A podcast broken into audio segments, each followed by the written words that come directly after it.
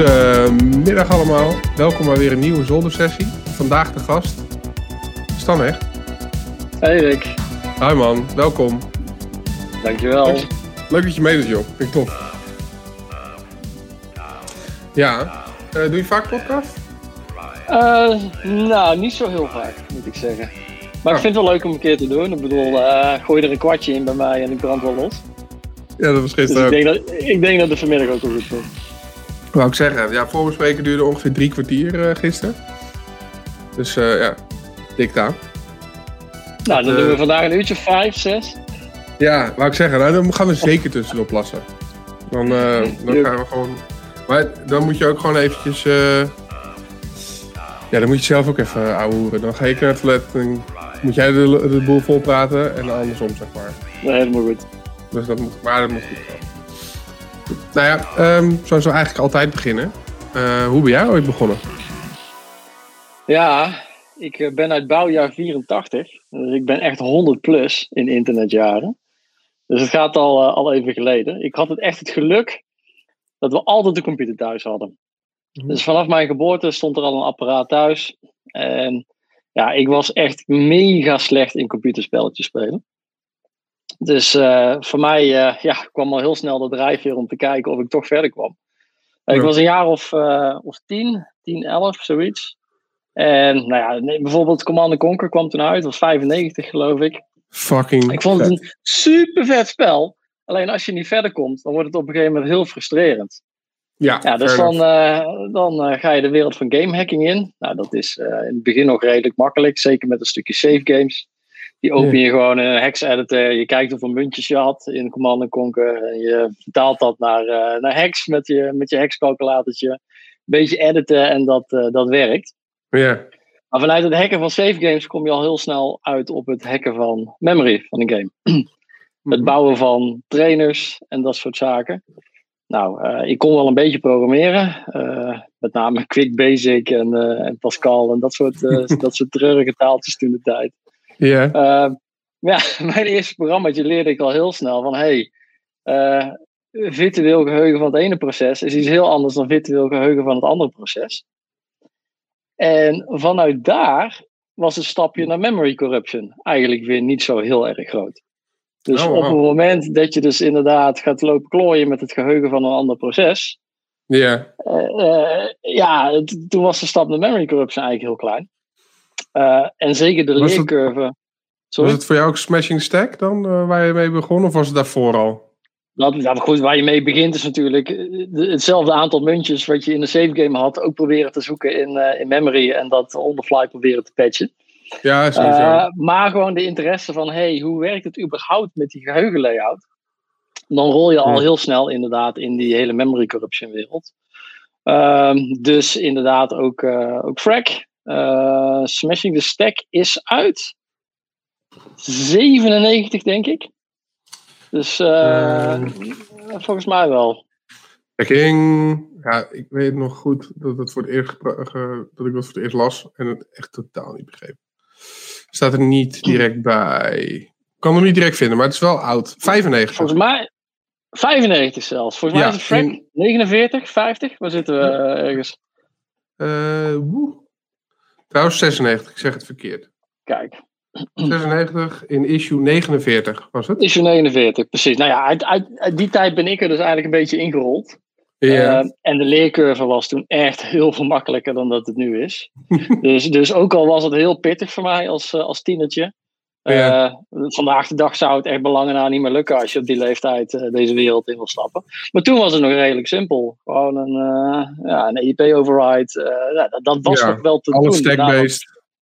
Precies, alles stack-based. eh, helemaal geen moeilijkheden, geen ASLR en alle andere zooi Geen erbij. dep. Precies, nou ja, echt, echt relatief easy. Eh, dus die wereld die was nog wel makkelijk in te rollen ook op, eh, op die leeftijd. Mhm. Ja, helemaal fantastisch. Nou, jullie hebben het er vorige week ook al over gehad eh, met, eh, met Thijs. Nou, ik kom Ja. een beetje... eh, Thijs is ook 100 plus in internetjaren. Een Zag je ook zijn uit, baard. ja, precies. Nou, die van mij is wat korter. Ik ben, ik ben niet gestart bij het begin van corona. Ah. Ehm, maar de hele wereld hing toen inderdaad aan elkaar van super slecht geschreven C-programma's. Plus de andere helft van het internet was Perl. Ja. en CGI. En dat was ook allemaal zo lekker als een mandje. Eh, dus, dus beide expertises, wat je vandaag de dag in mijn ogen echt niet meer allebei kunt, eh, kunt combineren. ja. Dat was toen nog best wel goed te doen om daar, eh, om daar wat van af te weten.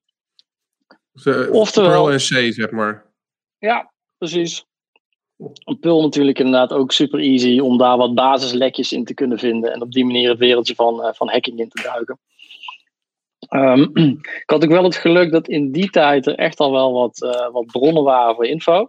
Frack was natuurlijk pittig. En wel echt de Champions League van de, van de magazines eh, toen de tijd. Eh, maar je had in Nederland had je ook Hectic en wat later Klaphack. Nou, dat was al een stuk laagdrempeliger in mijn moedertaal.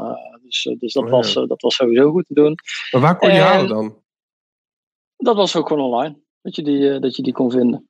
Oké. Dus nou een beetje. eh, Dus, dus ergens tussen mijn elfde Command Conquer hacken richting een jaar of veertien eh, met, met Smashing the Stack aan de slag en dat soort zaken. Ja. Toen eh, kwam de kans voorbij toen ik 15 was om voor het eerst te gaan pentesten. Ik wist niet dat het überhaupt bestond, John. Maar het was helemaal fantastisch. Ik had, ik had wat kleine artikeltjes op het, op het internet gepubliceerd. Over, over hacken en Perl hacken en dat soort zaken allemaal. Mhm. En zo waar, er was een of ander internetbureau dat eh, die artikeltjes had gevonden. En ze zochten iemand die, eh, ja, die kon testen of dat een aantal grote bedrijven veilig waren. Hun klanten namelijk. Maar zij Ja. onder andere ook websites verbouwden. Ja, super cool. Ik was 15. Ehm, Ja, let's go. let's go, inderdaad. De, de, de rest van mijn leeftijdgenoten die was vakken aan het vullen. Wat ook helemaal niet verkeerd is. Maar ja, deze kans kwam voorbij van... hey, verdorie, ik kan gewoon van mijn hobby kan ik mijn werk maken. Ja. Super fantastisch. Dus die kans hebben we beide handen aangegrepen. Mijn vader is meegeweest op het sollicitatiegesprek. we, we, we vertrouwden het namelijk allebei niet zo heel erg. Ik had nog ergens het onderbuikgevoel van, ja shit, zo daar de politie op de stoep voor eh, wat dingetjes die ik Ja. gedaan heb. En zo. Eh, maar nee, gewoon, eh, wat, het was gewoon serieus. Dus ja, wat is het? Voor eh, 10, 15 gulden per uur. Uh, Maar, wat maar natuurlijk toen- achter- ja, dat, had je toen een vrijwaring? NDA? Eh, niet echt. Er zijn wat, wat mailtjes heen en weer gegaan waarin ik wel toestemmingen op, eh, op papier had. Ja. Maar inderdaad, de formele vrijwaring die heb ik pas, eh, pas veel later eh, leren kennen. Ja, dat is natuurlijk lachen gieren brullen. Wat ik zeg, voor 10, 15 gulden per uur. Eh, wat eigenlijk kinderuitbuiting was vanuit, eh vanuit hun Wou ik zeggen. Maar voor, voor mij was het echt fantastisch, joh. Ik bedoel, wat kon ik in de supermarkt verdienen? 4, 5 gulden per uur. Ik, ja, ik dacht echt van, nou, dit is amazing dat dit, eh, dat dit kan. Ja, dat dus is ook fucking vet. Ja, dat was het ook eigenlijk wel. En echt hele leuke klanten. Ik bedoel, het is inmiddels verjaard, dus ik, ik kan het wel noemen. Maar eh, eh, wat heb ik destijds allemaal getest, joh? Amstel bier, eh, Yamaha, eh, BNN, de omroep. eh, Echt? gewoon 15 jaar man, joh. Is echt, echt fantastisch. Super tof. Kan niet ja, het was leuker. echt, was echt super tof. Ehm, en nou, het, het wordt nog mooier. Eh, er kwam nog een, eh, een bijbaantje bij, namelijk. Ja. En volgens mij toen jij gisteren de aankondiging postte op eh, LinkedIn, eh, dat we dit gingen doen, toen was er ook een, eh, een oud collega van mij die al typte van, hey, ga je ook eens vertellen over je eerste ICT-beheerervaring? Ja. Eh, toen ik 15 was, ben ik ook bij een ander bedrijfje gaan werken.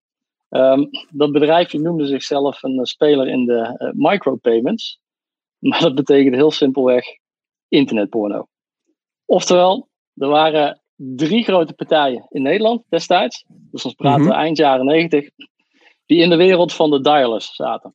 Oftewel het aanbieden Gewoon- van, van content, ero- erotische content, waar je bij kunt komen door middel van inbelverbindingen naar, eh naar 0906-lijnen eh, destijds. Oh, wow. Ehm, Was dat audio of wel gewoon eh, eh, beeld, digitaal? Dat was beeld. Ja, dat was met name beeld. En je hebt geen idee hoe gigantisch dat die wereld was. Echt, echt huge.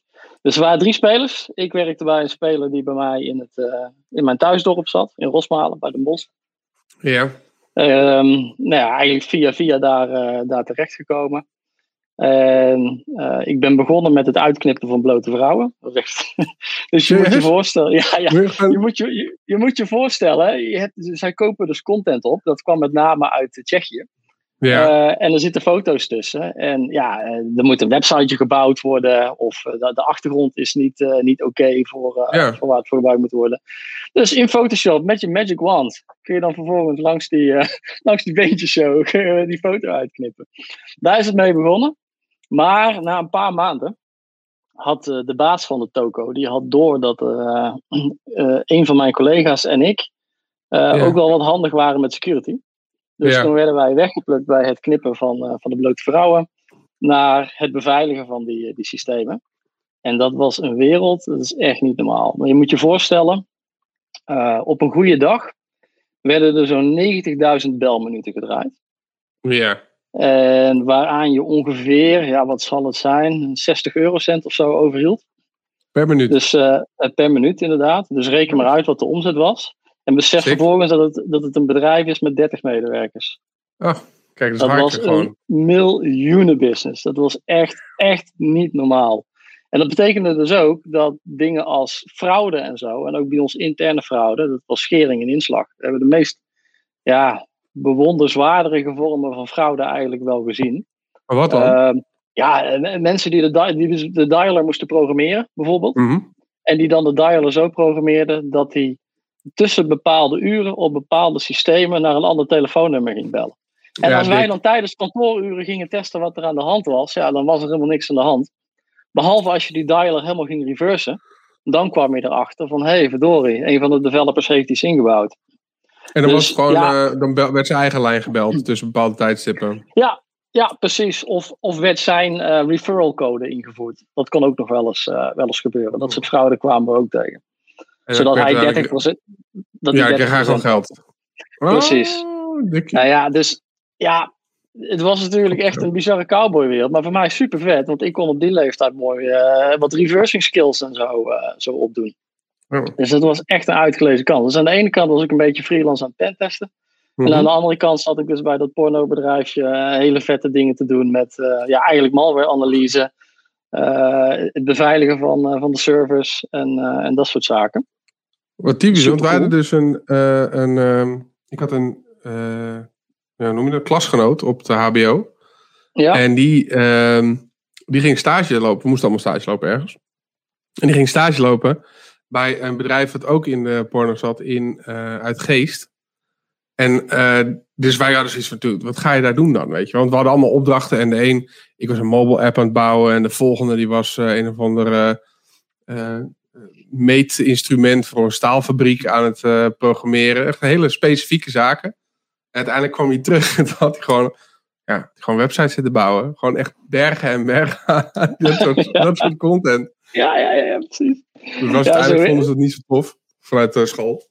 Want ik bedoel, ja, websitebouwer was niet helemaal de opleiding die we aan het doen waren. Nee, ma massa is kassa inderdaad in die wereld. Echt maar goed, er gebeurde dus ook echt heel veel rondom security. Uh, we konden niet alles zelf. Dus ook uh, Pine is destijds een aantal keer uh, bij ons langs geweest om, om te helpen met dingen. Dat was een beetje mm -hmm. het Fox IT van toen, hè, eind jaren negentig. Okay. ja, dus ook van dat soort trajecten gewoon mega veel geleerd. Van hey, hoe pakt een ik keek er enorm tegenop. Hoe pakt een, een, een volwassen security partij, wat voor mij echt de nummer één speler was in Nederland destijds, hoe pakt die dit nou aan? Grappig hè? Want ik heb dat nooit meegemaakt, dat Pine de Fox was van, van toen.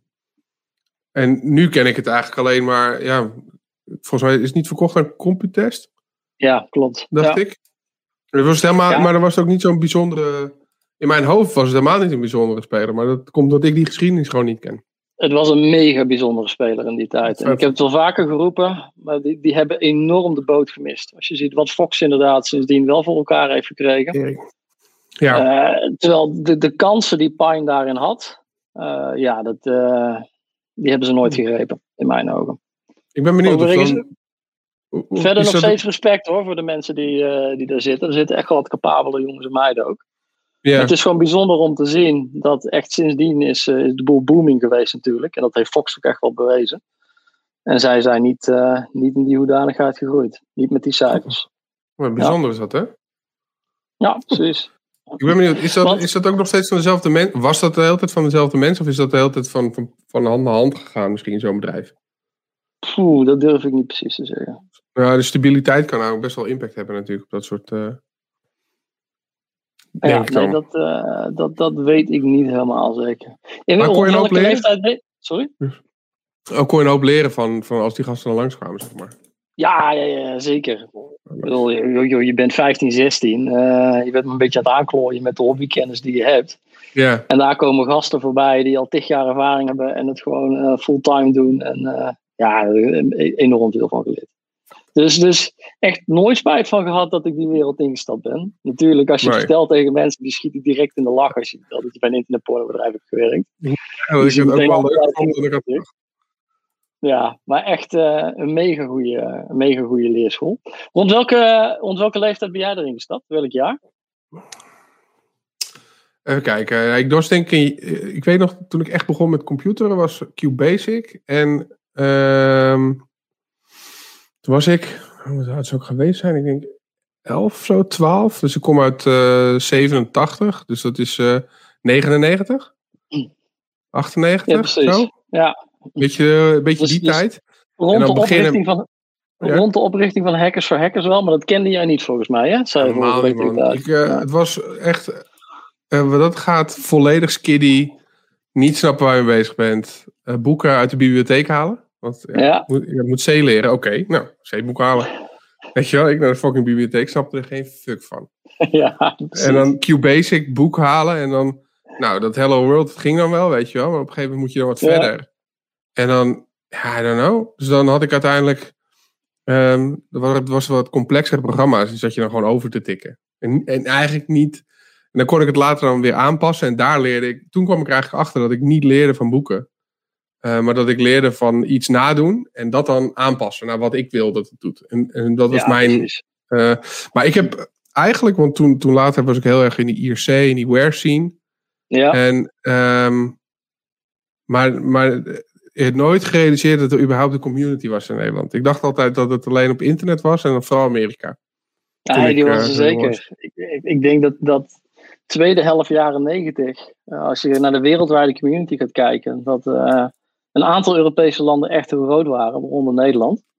Uh, hit 2000 op IRC. Ik zat er niet in. Nee, je zat er niet in. nou ja, daar hingen gasten rond als uh, Scrippy, De Voorrak, dat soort namen. Ik weet niet of het je iets zegt. Nee. Wat een helden waren dat, jongen. Echt, daar, daar keek ik zo enorm tegen op. Wat die gasten konden hacken en wat die aan exploits uitbrachten en zo. Ik dacht echt van, nou, dat, dat moet ik worden. Um, uh, zeker de Vorak uh, heeft volgens mij daarna ook wel echt een hele mooie carrière gehad. Ik geloof dat hij in de US zit ook tegenwoordig. Maar man, man, man, dat waren mijn helden. En dan voelde ik me dus inderdaad ook echt een scriptkiddie in, in dat soort kanalen.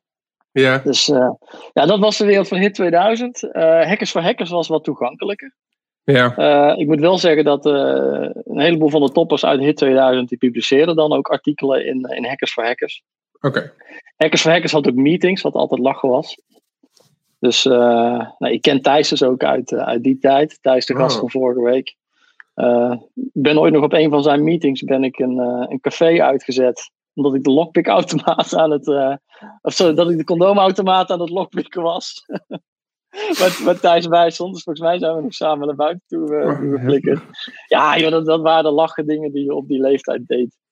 Dat was ik mooi. zit trouwens Heel snel was ik even aan het zoeken op die uh, de Vorak. Want uh, die heeft, ik zie dus ook een artikeltje van hem uh, in Hackers for Hackers. buffer Overflows, de, Da Guide. DA. Guide. Ja, ja, ja, precies. en vlak daarboven zie ik een, een voorbeeldje hoe... hoe zit, wat is het? Oh ja, mailinglist manipuleren. En ik zit te kijken en ik zie in één keer Asbi het multiweb. Dacht ik, hè? Ja, dat is, dat is een broertje. Ja, dat wou ik zeggen. Dus ik dacht, ja, ja, ja, ja, ja, ja, Het is wel een soort historisch... Kijk, ik ken al die mensen nu. Maar ja. toen ja. Dus ik vind het echt heel tof om terug te zien. Oh, dat vind ik wel jammer dat ik dit gemist heb, zeg. Ja, dat was echt, echt een hele mooie wereld. Oh. Maar ik, ik was al aan de jonge kant in die wereld. En als jij drie bouwjaren jonger bent, dan, uh, dan is het helemaal lastig geweest. Ja, maar daarna, ik heb ook gewoon altijd een beetje de, ja. Die wear scene is, uh, was minder gericht op leren en meer gericht op produceren. Ja, ja, ja, ja, precies. Dat geloof ik inderdaad wel. Ja, dat was wel het hele mooie aan deze wereld. Die was wel echt ja, gebouwd op leren. En dus ook al die... Al die oh ja, ja, ja, dat zegt thuis. Ik zat al op je condoomautomaat lockpick verhaal te wachten. Ja, ja. Daar was hij inderdaad. Mooi.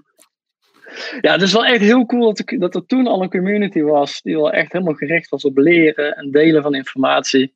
Ja, het is vandaag de dag natuurlijk alleen maar nog groter geworden. Maar Ja. wel heel mooi om te zien dat die essentie er eigenlijk toen al in zat. Ehm, Ja, vet. ja, precies. We hadden het dus over Jong Broekie hè, en die kanalen. En dat jij eigenlijk net iets te jong was. En ik aan de jonge kant maar nog net meegepikt heb. Ja, super Ik- tof. zie achteraf wel dat pas als, voor mij in ieder geval gold, toen ik een jaar of 16, 17 was, Ja, toen begon het pas echt iets te worden. Dus toen, toen, toen werd ik wat handiger met de dingen die ik er dan had geleerd. Kon ik de FRAC-artikelen kon ik, eh, kon ik wat beter volgen ook. Mhm. En het is ook rond die leeftijd geweest, ik denk rond het jaar 2000, dat we Netric begonnen zijn. Een, eh, een ander IRC-kanaal. Oké. Ik zie aan jou dat, dat het je niks zegt. Ehm, Nee? Maar dat is, een, dat is een clubje wat er destijds gestart zijn. Met wel een aantal, een hele, aantal hele goede gasten. Ehm, onder andere Ilja van Sprundel zat daarbij. Tegenwoordig Mhm. een van de, van de toppers wereldwijd op het gebied van driver hacking. Eh, Richard, nickname SD, die later nog bij Microsoft meegeholpen heeft aan het eh, reverse engineeren van Stuxnet en dergelijke. Dus echt jonge gasties die, die toen al heel goed waren. Eh, waar ik mega veel van kon leren. En die uiteindelijk ook echt op hele mooie plekken geëindigd zijn. Dus dat is wel. ja, ik ben er wel trots op om daar een, een stukje onderdeel van te, te zijn geweest. Ja, maar dat is toch gaaf ook dat je al die mensen toen al hebt leren kennen, zeg maar. Ja, ja, precies. Nou, dus ook rond die leeftijd mijn eerste CVE'tjes. Dat waren wel nog wat meer basic dingen. Ik bedoel, zeker, zeker Perl en CGI-scriptjes en zo. Dat, eh, die hoefde maar naar te kijken en eh, de CVE's vlogen eruit. Dat waren die toen ook Pearl net- scripts, was dat eh, voornamelijk gebruikt voor webhosting en zo? Oh, dat was van alles. Dat was echt van alles. Eh, ik heb in die tijd ook security.nl nog ooit gehackt. Volgens mij was dat ook 2000. Ja. Die hadden ook een of ander brak Perl script voor hun banner systeem. Dat was eh, relatief makkelijk te hacken. En die banners, ja, daar kon je gewoon HTML in bijknallen. En dat werd dan in de security.nl pagina werd dat geladen. ja. Dus daarmee kon je een, eh, kon je een defacement doen. Eh, ze Heb je reageerden daar gedaan heel of heb je, heb je ja, gewoon, ja, ja, ja, ja, ik heb daar wel een kleine, kleine defacement van gemaakt. Dat werd, werd zeker wel gewaardeerd vanuit security.nl. Die konden wel lachen. Ze hebben hem ook nog een taart aangeboden. ja. Nou, die ben ik nooit op gaan halen op de redactie. Omdat ik wederom dacht, ja, dan kom ik eraan. Ja, dan komen ze me halen. ja, mooi, me man. halen. Ja, precies. Maar ja, wel, eh, wel lachen. Eh, en een Ja. jaartje later... Ja, sorry? Nou, ik zit, ik zit te denken ook dat. ehm, zeg maar tegenwoordig, eh, die, als je nu die feest, dat is. dan is er geen taart. Nee, zeker niet. Of tenminste, nee. nee. Dus hè, mensen zijn gewoon gewend nu van ja, maar je mag het best proberen, maar dan moet je het wel gewoon netjes melden.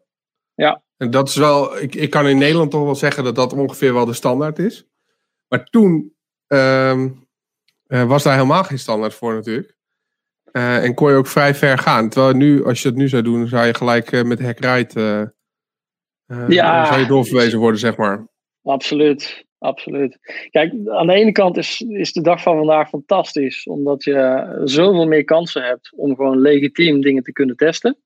Mhm. Van de andere kant, toen de tijd, zeker als het ging over het hacken van security websites en dat soort zaken, er werd veel meer geaccepteerd.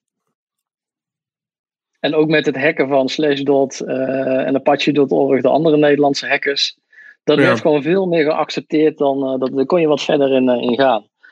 Ehm, Security.nl, dat werd, dus heel sportief opgepakt. Ik heb een jaar later ook nog aldas.de eh, eh, een keer gedefaced.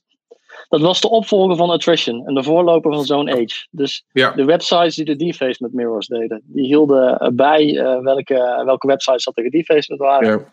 En ja, die publiceerden dat dan. Nou, we, alles was echt lachen, want die deden dus een automatische crawling van defacement websites. Daar kwam ik Mhm. achter. Ehm, dus wat ik gedaan had, ik had net gedaan alsof mijn eigen pagina gedefaced was. Ja. Die had ik aangemeld bij Aldas. Die kwamen langs met een crawler om de defacement binnen te halen.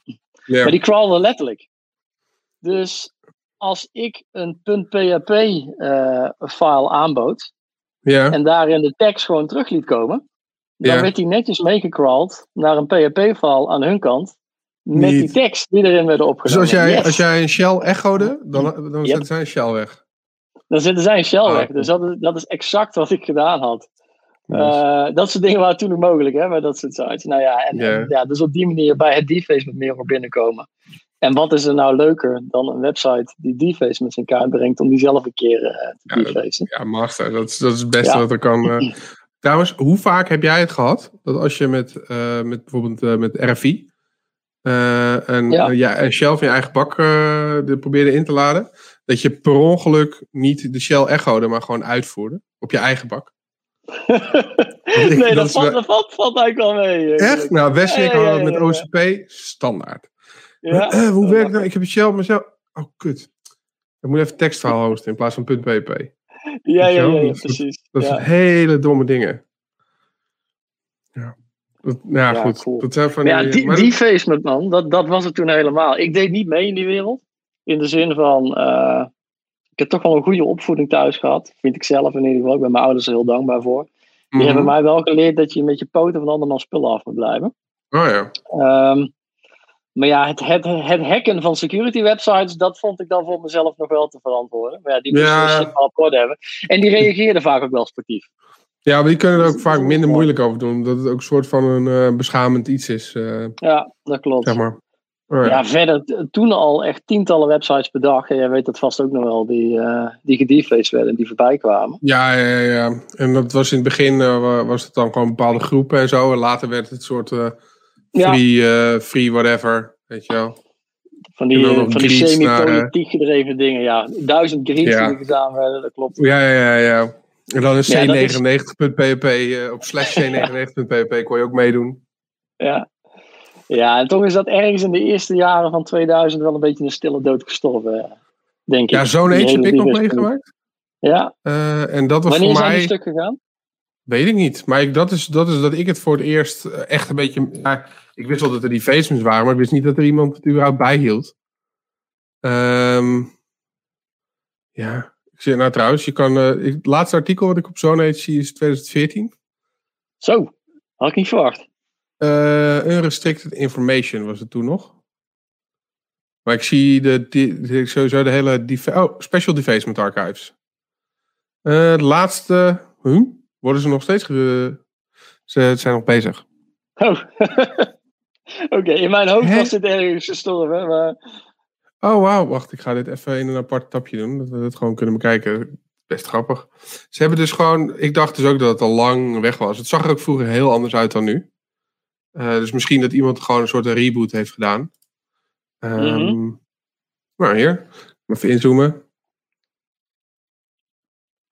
Heb je gewoon eh, nog... eh, ja, hier. Hoor. Ah, kijk. Oh? Dit is Indonesian hacker. Ja, dit is- zo leuk dit is, dit lezen. is helemaal terug naar 2000, man, voor mij. Dit is, Oh, vet jongen. Kijk dit hier de nog steeds. Ja. Oh, Dit is een-. Niks veranderd. Heerlijk. Even kijken, wat zegt... eh, want Harry heeft misschien wel andere... andere... Oh, Oh. kijk. Oh, Ook in één keer semi-politieke muziek spelen. bullshit. Ja, Ja, ja, dat was al... Ik vond dat dat super nep. ja Van man. die, eh, Maar ik vind wel heftig dat, er gewoon nog steeds, dat het nog steeds iets is. Ik weet niet of dit dezelfde eigenaren zijn, maar zo zag het er wel uit. Ja. tenminste, het was wel zo'n age.org, laat ik het dan zo zeggen. Ja, precies. Even kijken, Legend. Homepage defacement, mass defacement. Wat is een? Zie. Dat zijn, meer, het zijn meerdere websites in één keer. Vaak een virtual host eh, die, eh, die te pakken wordt genomen. Oh, weet je, heb je dat trouwens meegemaakt? Dat, ehm, hoe heet hij ook alweer? Eh, het is een Nederlands volkszanger. Hij is heel jolig. Haalt altijd frikandel bij het tankstation. Hij is een Brabo. Dan kom Iedereen je kwam altijd in de buurt. Er Eh, was een hele serie over met zijn vrouw, Maris. oh, Frans Bauer. Frans Bauer. Frans Bauer Ja. heeft een keer zijn excuses aangeboden. Omdat, eh dat is echt heel dom van een verhaal. Frans Bauer heeft zijn excuses aangeboden, want eh, zijn website was eh, gehackt. En via daar de, de hoster had een brakke bende. Dus dat ging via die vier hosts is, is de rest ook gehackt. Ja, ja, ja. ja. En toen heeft hij zijn excuses maar aangeboden. dus die man wist wat er aan de hand was, weet je wel. Alsof het zijn schuld is, joh. Ja, weet toch ook niet. gozer heeft gewoon een website gekocht. Ja. Maar ik vond het wel leuk dat hij dan sorry ging zeggen. Ik weet niet wat ik gedaan heb, maar sorry jongens.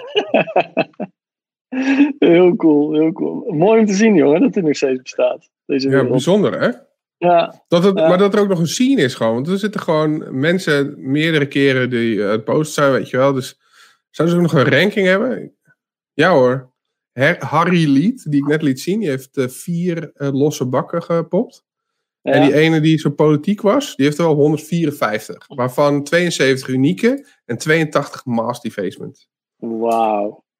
Prachtig dat dit een ding is gewoon. Ja, dit Nog. is, dit is heeft ook 21 gewoon- totaal geen. eh, want het is, het is ook meer. Het heeft minder te maken met, eh, met hacken en meer een soort farming idee. Snap je wat ik bedoel? Je hebt een, je hebt een bukje en dan ga je gewoon Ja. als een soort boer ga je het land bewerken, zeg maar. Dat is ook precies. Ja. Deed je, deed je dat ook als je dan eh, iets nieuws had gevonden? Dat je dan ging kijken op alle security websites van kan ik hier wat mee? Of ging je wel specifiek, oké, wat kan ik Nee. op deze? Security websites was het het laatste. Dat was echt specifiek op, eh, op deze. Ja. Kijken wat je daar kon clearen, zeg maar. Exact, exact. Ja. En, en ja, ook gewoon echt. Ik trok me ook wel weer op aan wat andere partijen waar ik dacht van, yo, dit moet ik ook kunnen. Ja, Eh zeggen namen als eh, Team Tizo, eh, ADM, Last Stage of Delirium, dat soort namen iets. helemaal Helemaal niks. niks. Helemaal niks. Eh, dat, dat waren de helden van rond het jaar 2000. Eh, Team Tizo bijvoorbeeld, die kwamen toen met de exploit X2. Eh, ja. remote exploit voor SSHD. Nou, in die tijd, het halve internet hing met SSHD Ja, dat open naar het internet. Dat was gigantisch dat dat uitkwam. En volgens mij heeft die exploit ook nog in, ehm, in de Matrix Reloaded gezeten trouwens, jaren later. Echt? Er zit een scène in dat echt die exploit van Team T zo inderdaad eh, gebruikt wordt. Team wel- en dan SSD. Ja, de Stezo met E T-E-S-O. SSD D-Attack Exploit bij de Vorak. Ook weer een Nederlander dus. Eh, ja, de Vorak heeft hem, heeft hem later eh herschreven. Of heeft dezelfde bug gebruikt om er ook een exploit voor te maken. Ja. Jeetje, er was Ja. geen, eh, de lijst met targets is ook gelukkig heel klein. Ook de instructie er ook bij. Voor i in 1 tot en met 44, doe, en dan die exploit, en dan richting de host. Wat is het hele idee? Waarom één, te- weet je hoe, die, hoe dat ding werkte toen? oh, dat is lang geleden. Dat was iets met CSC32 eh bugje. Wat Ja, erin zat. Eh was ook niet iets met de format string nog. Ik, ik weet het niet helemaal Ja, zeker maar meer om- wat het precies omdat ze zeggen van, want ze, ze voeren die exploit uit op één bak. Ja, tegen dezelfde poort, maar dan eh, dus eh, itereert hij nog, doet hij dollar i meegeven. Nou, volgens mij, het voordeel is natuurlijk dat SSHD volgens mij child processor spant. Voor verbindingen en dergelijke. Ja. Dus je had daar volgens mij wel wat kansen om offsets en dat soort zaken Oh. te brute force. Oh, ik weet het al. Nou, de min T is type. Dus dat Ja. is gewoon als je niet wou achterhalen wat voor type, wat voor versie SSH je te praten, klap je ze toch allemaal tegenaan. Precies. Kan, kan niet precies. misgaan ook. Ja, ja, ja, ja, ja. Maar dat is ook onvoorstelbaar, joh. In die tijd dat er gewoon gasten waren die, het halve, die een exploit konden maken je het halve internet kon ponen. Ja, ja, dat is tegenwoordig kan het nog steeds, maar dan is het serieus, serieus, serieus veel tijd. Serieus veel tijd. En dan is het ook meteen eh, bijna NOS-journaal eh, dat, het, eh, dat het weer voorbij komt. Was, was de exchange bug niet gewoon ook. was het niet gewoon in, in het grotere nieuws? Volgens Ja, mij die ja, af van de laatste Ja, keer. ja, ja. Dat is echt gewoon serieus. Dat soort dingen zeker. Toen de tijd niet, joh. Maar dat was voor mij... Er waren een paar gasten uit, uit Oostenrijk en Duitsland die dat dus deden. En je Mhm. had dus in Polen had je Last Stage of Delirium. Dat waren ook echt helden. Die Mhm. deden wat meer eh, obscure architecturen. Eh, AIX, eh RISC-processoren, dat soort zaken en zo deden zij ook allemaal. AX Solaris, zo. Solaris, dat soort zaken. Ehm, ja, dus die communities in Europa, zowel Nederland als Duitsland, als Oostenrijk, als Polen en zo, daar zat echt wel wat. Dat is heel vet. Super vet, jongen. Ja, Ja, ik hoorde vorige week natuurlijk van Thijs ook dat soort verhalen. Dan denk ik toch, ja, toch hebben we toch eigenlijk wat gemist door, door maar een beetje andere shit te volgen. Maar wel, wel heel leuk om nu over te horen, zeg maar. ja ik heb er wel eens over nagedacht om, eh, om hier een conferentiepraatje of zo van te maken ergens in Nederland. Doen. En dan is inderdaad gewoon echt wat mooi slidemateriaal van toen bij elkaar zoeken. En daar gaat volgens mij zoveel werk in zitten om eh hele archive met org en zo af te struinen. Ja, maar Het zou wel dik zijn, want ehm, ik kan me een praatje herinneren over. Ken je de Twilight CD's nog? Ja. Ja, er was dus. eh, ik ben zijn naam kwijt. Zijn, ik ben zijn nickname ook kwijt. Eh, maar die gaf een prezo en die, die prezo begon met. Ik heb hiervan gehoord en daarom vertel ik erover. Ik weet niet hier, eh, hoe, hoe of wat. Zeg maar. Ja, dat ja, dat was ja. zeg maar de preface. Dat vond ik al vet. Maar toen kwam dus het hele verhaal van de Twilight CD's. En hoe dat ooit begonnen is. En hoe het, het eindigde ook helemaal niet leuk. Weet je wel. Dus dat, maar dat verhaal was zo nost... Weet je, want ik, ik ken de Twilight als Ja, jij kent je die kent iemand, Ja, ja, die iemand, ja. en die verkoop je dus. Nou, ik had met de Wares was het al dat je, want Twilight was het, was het moment dat ik gewoon, ja, toen had ik thuis nog eh 56k gewoon, weet je wel. En dan eh, kon ik niet te veel downloaden, want dan werden mijn ouders boos. Ehm, ik zat in die Wares zien dat ik alweer met ADSL en zo, en dan, dan kon je weer wat, eh, wat meer, eh, wat sneller eh, wat krijgen. Maar toen was het gewoon, je moet iemand kennen die Twilight CD's kan regelen. 25 gulden. Er zat, Ja. wel, zat wel gewoon fucking, ehm, weet je wel, Tomb Raider. Ehm, Alles. op- ja, en dan met die, met die hippe, ja wat is het? Glitch tech, vage Ja. muziek bij de keygen. Nee, nee, nee. Dat vond ik zo dik, jongen. Ik snapte ook niet hoe zoveel spelletjes op één cd konden. Nee joh, 10 spelletjes en 10 applicaties. Echt helemaal kapot ge, ge, geëdit, gecompressed. eh, alle, alle filmpjes en dergelijke eruit om het maar zo klein mogelijk te maken. Maar ik geloof dat eh Olaf die uh, FFP Ja, die FXP scene. eh, was ook een ding hoor. Heel veel waardering voor, maar die ken ik dus ook een stuk minder. Ja, maar die had FXP ehm, was ook weer zo'n scene.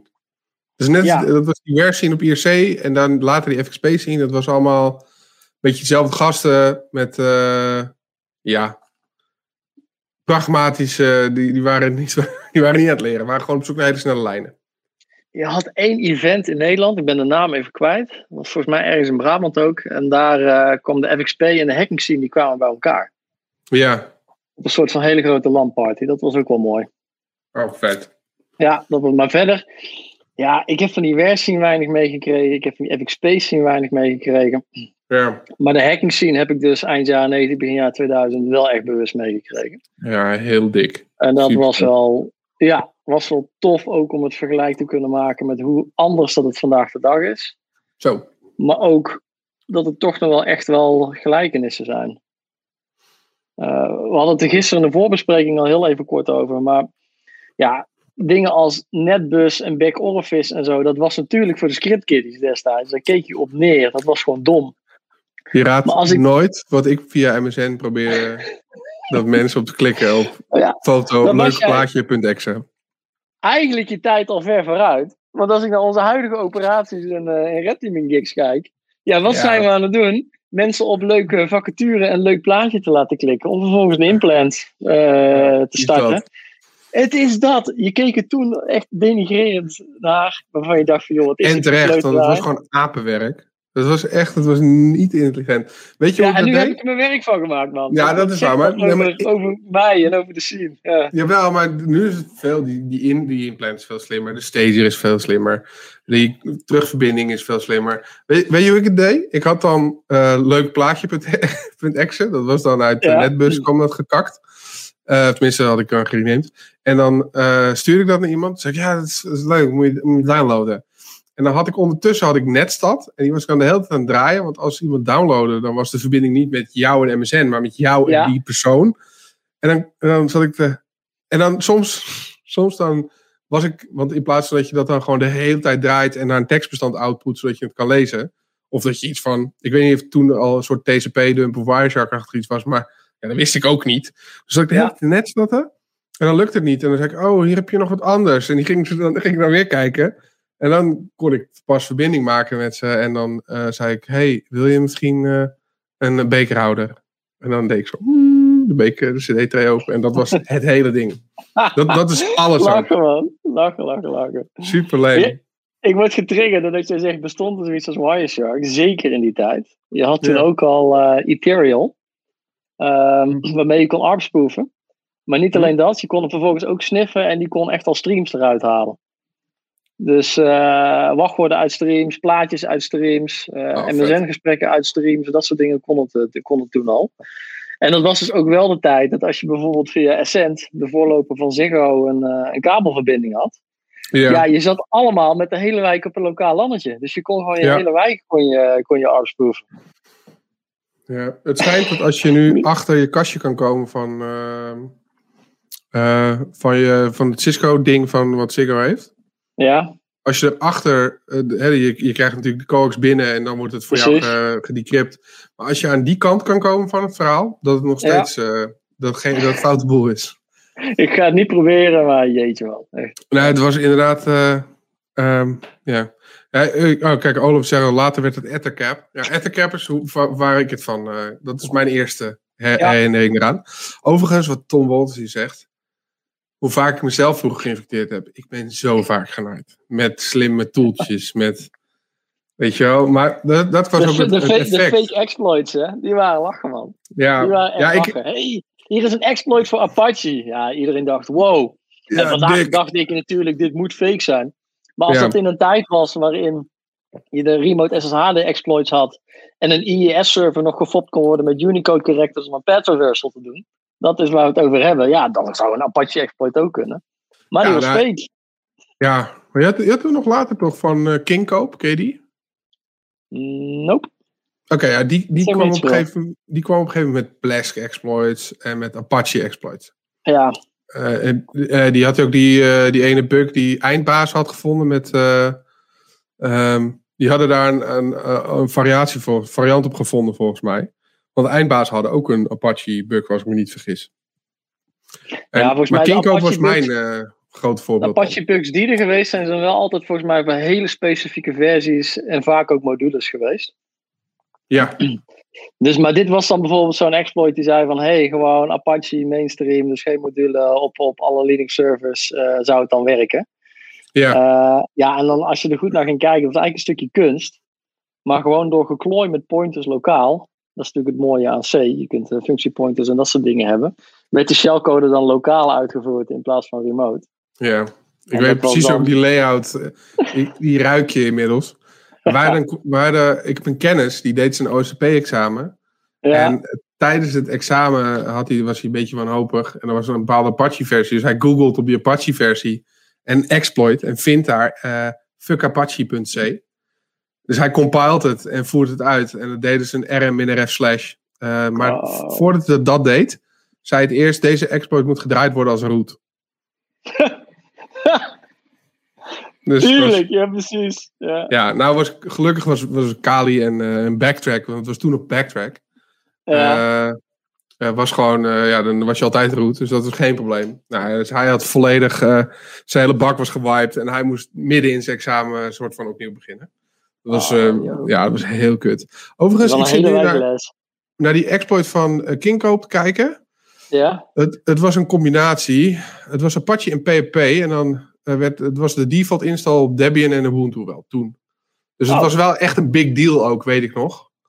Eh, Apache-magica.c heet, eh, was het. eh, ja, ik weet, dit, dat dit uitkwam, dacht ik echt van wauw. Dat is zeg maar mijn, eh, eh, mijn variant. En dat verhaal van de eindbazen eh, was eh, die, ja, dit verhaal zeg maar. ja precies. Dik. PP Ja. was specifiek. Dat, dat zag je inderdaad nog wel. Dan nog hoor, heel dik. Echt heel dik. Ja. ja ik toen trek net trouwens eh, pas het comments eh, venster open. Oh, Eh, kijk, amateur, die is er dat ik ben hier. Ja, ja, Ja, had ik gewoon moeten zeggen ook. Ja, ik- nee joh, ik zat nog naar de private chat te kijken. Maar ik had natuurlijk de comments moeten openen. ja er gebeurt helemaal Ik geen moer in inderdaad- private chat. Kijk, Thijs die weet het weer. Dat was Outer Brains. Dat was het, eh, het event ook waarbij de FXP en de hacking scene bij elkaar kwamen. Ah, oké. Ja. Die, die was, ja, jullie zijn er natuurlijk allemaal bij geweest. Wat fucking vet zeg. Ik heb het gevoel dat al die leuke dingen was ik dan net te jong voor. Want ook die hele gabber scene was ik veel te jong voor. Maar vond ik wel vet. Heb je wel een uh, Cavello of een Aussie gehad? Ja, mijn moeder die zei gewoon, eh fuck jou met je dure, met je dure trainingsbroek. En dan zeg ik, ja, maar dan wil ik wel Nike's. En dan zei ze, nee, nee, je moet iets met degelijke hakken. En dan kreeg je van die, van die halve bergschoenen moest ik dan aan. Ja, Dat- ja, ja, Dat zo... Wat dat er gaat, altijd eh, met dat soort dingen, met die, met die, met die ehm, hypes en zo. Het ging er eh, bij mij thuis, eh trapte ze er niet in, helaas. uiteindelijk misschien ook wel goed. Maar, ehm eh, la, la, la. wat had ik nou? Ik had iets nuttigs hier aan, aan de hand hiervan. Nee.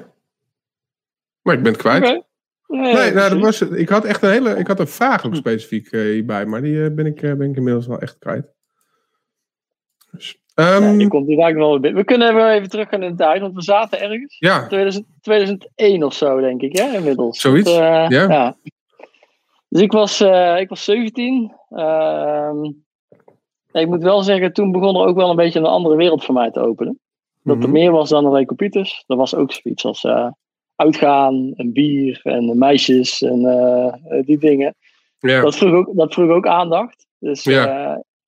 ja, als ik erop terugkijk, dan denk ik dat dat uit mijn jeugd, toen ik 17 was, wel een beetje mijn hoogtijdagen waren. En dat daarna weer even op een wat lager pitje is gekomen. Mhm. Zeker wel op IRC blijven hangen en in de netwerkkanalen en dat soort dingen allemaal. Ehm, ondertussen ook gaan, eh, gaan studeren in Eindhoven. Eh, als eh, mede-nerd tussen de andere nerds, want dat is het wel degelijk in, eh, in Eindhoven.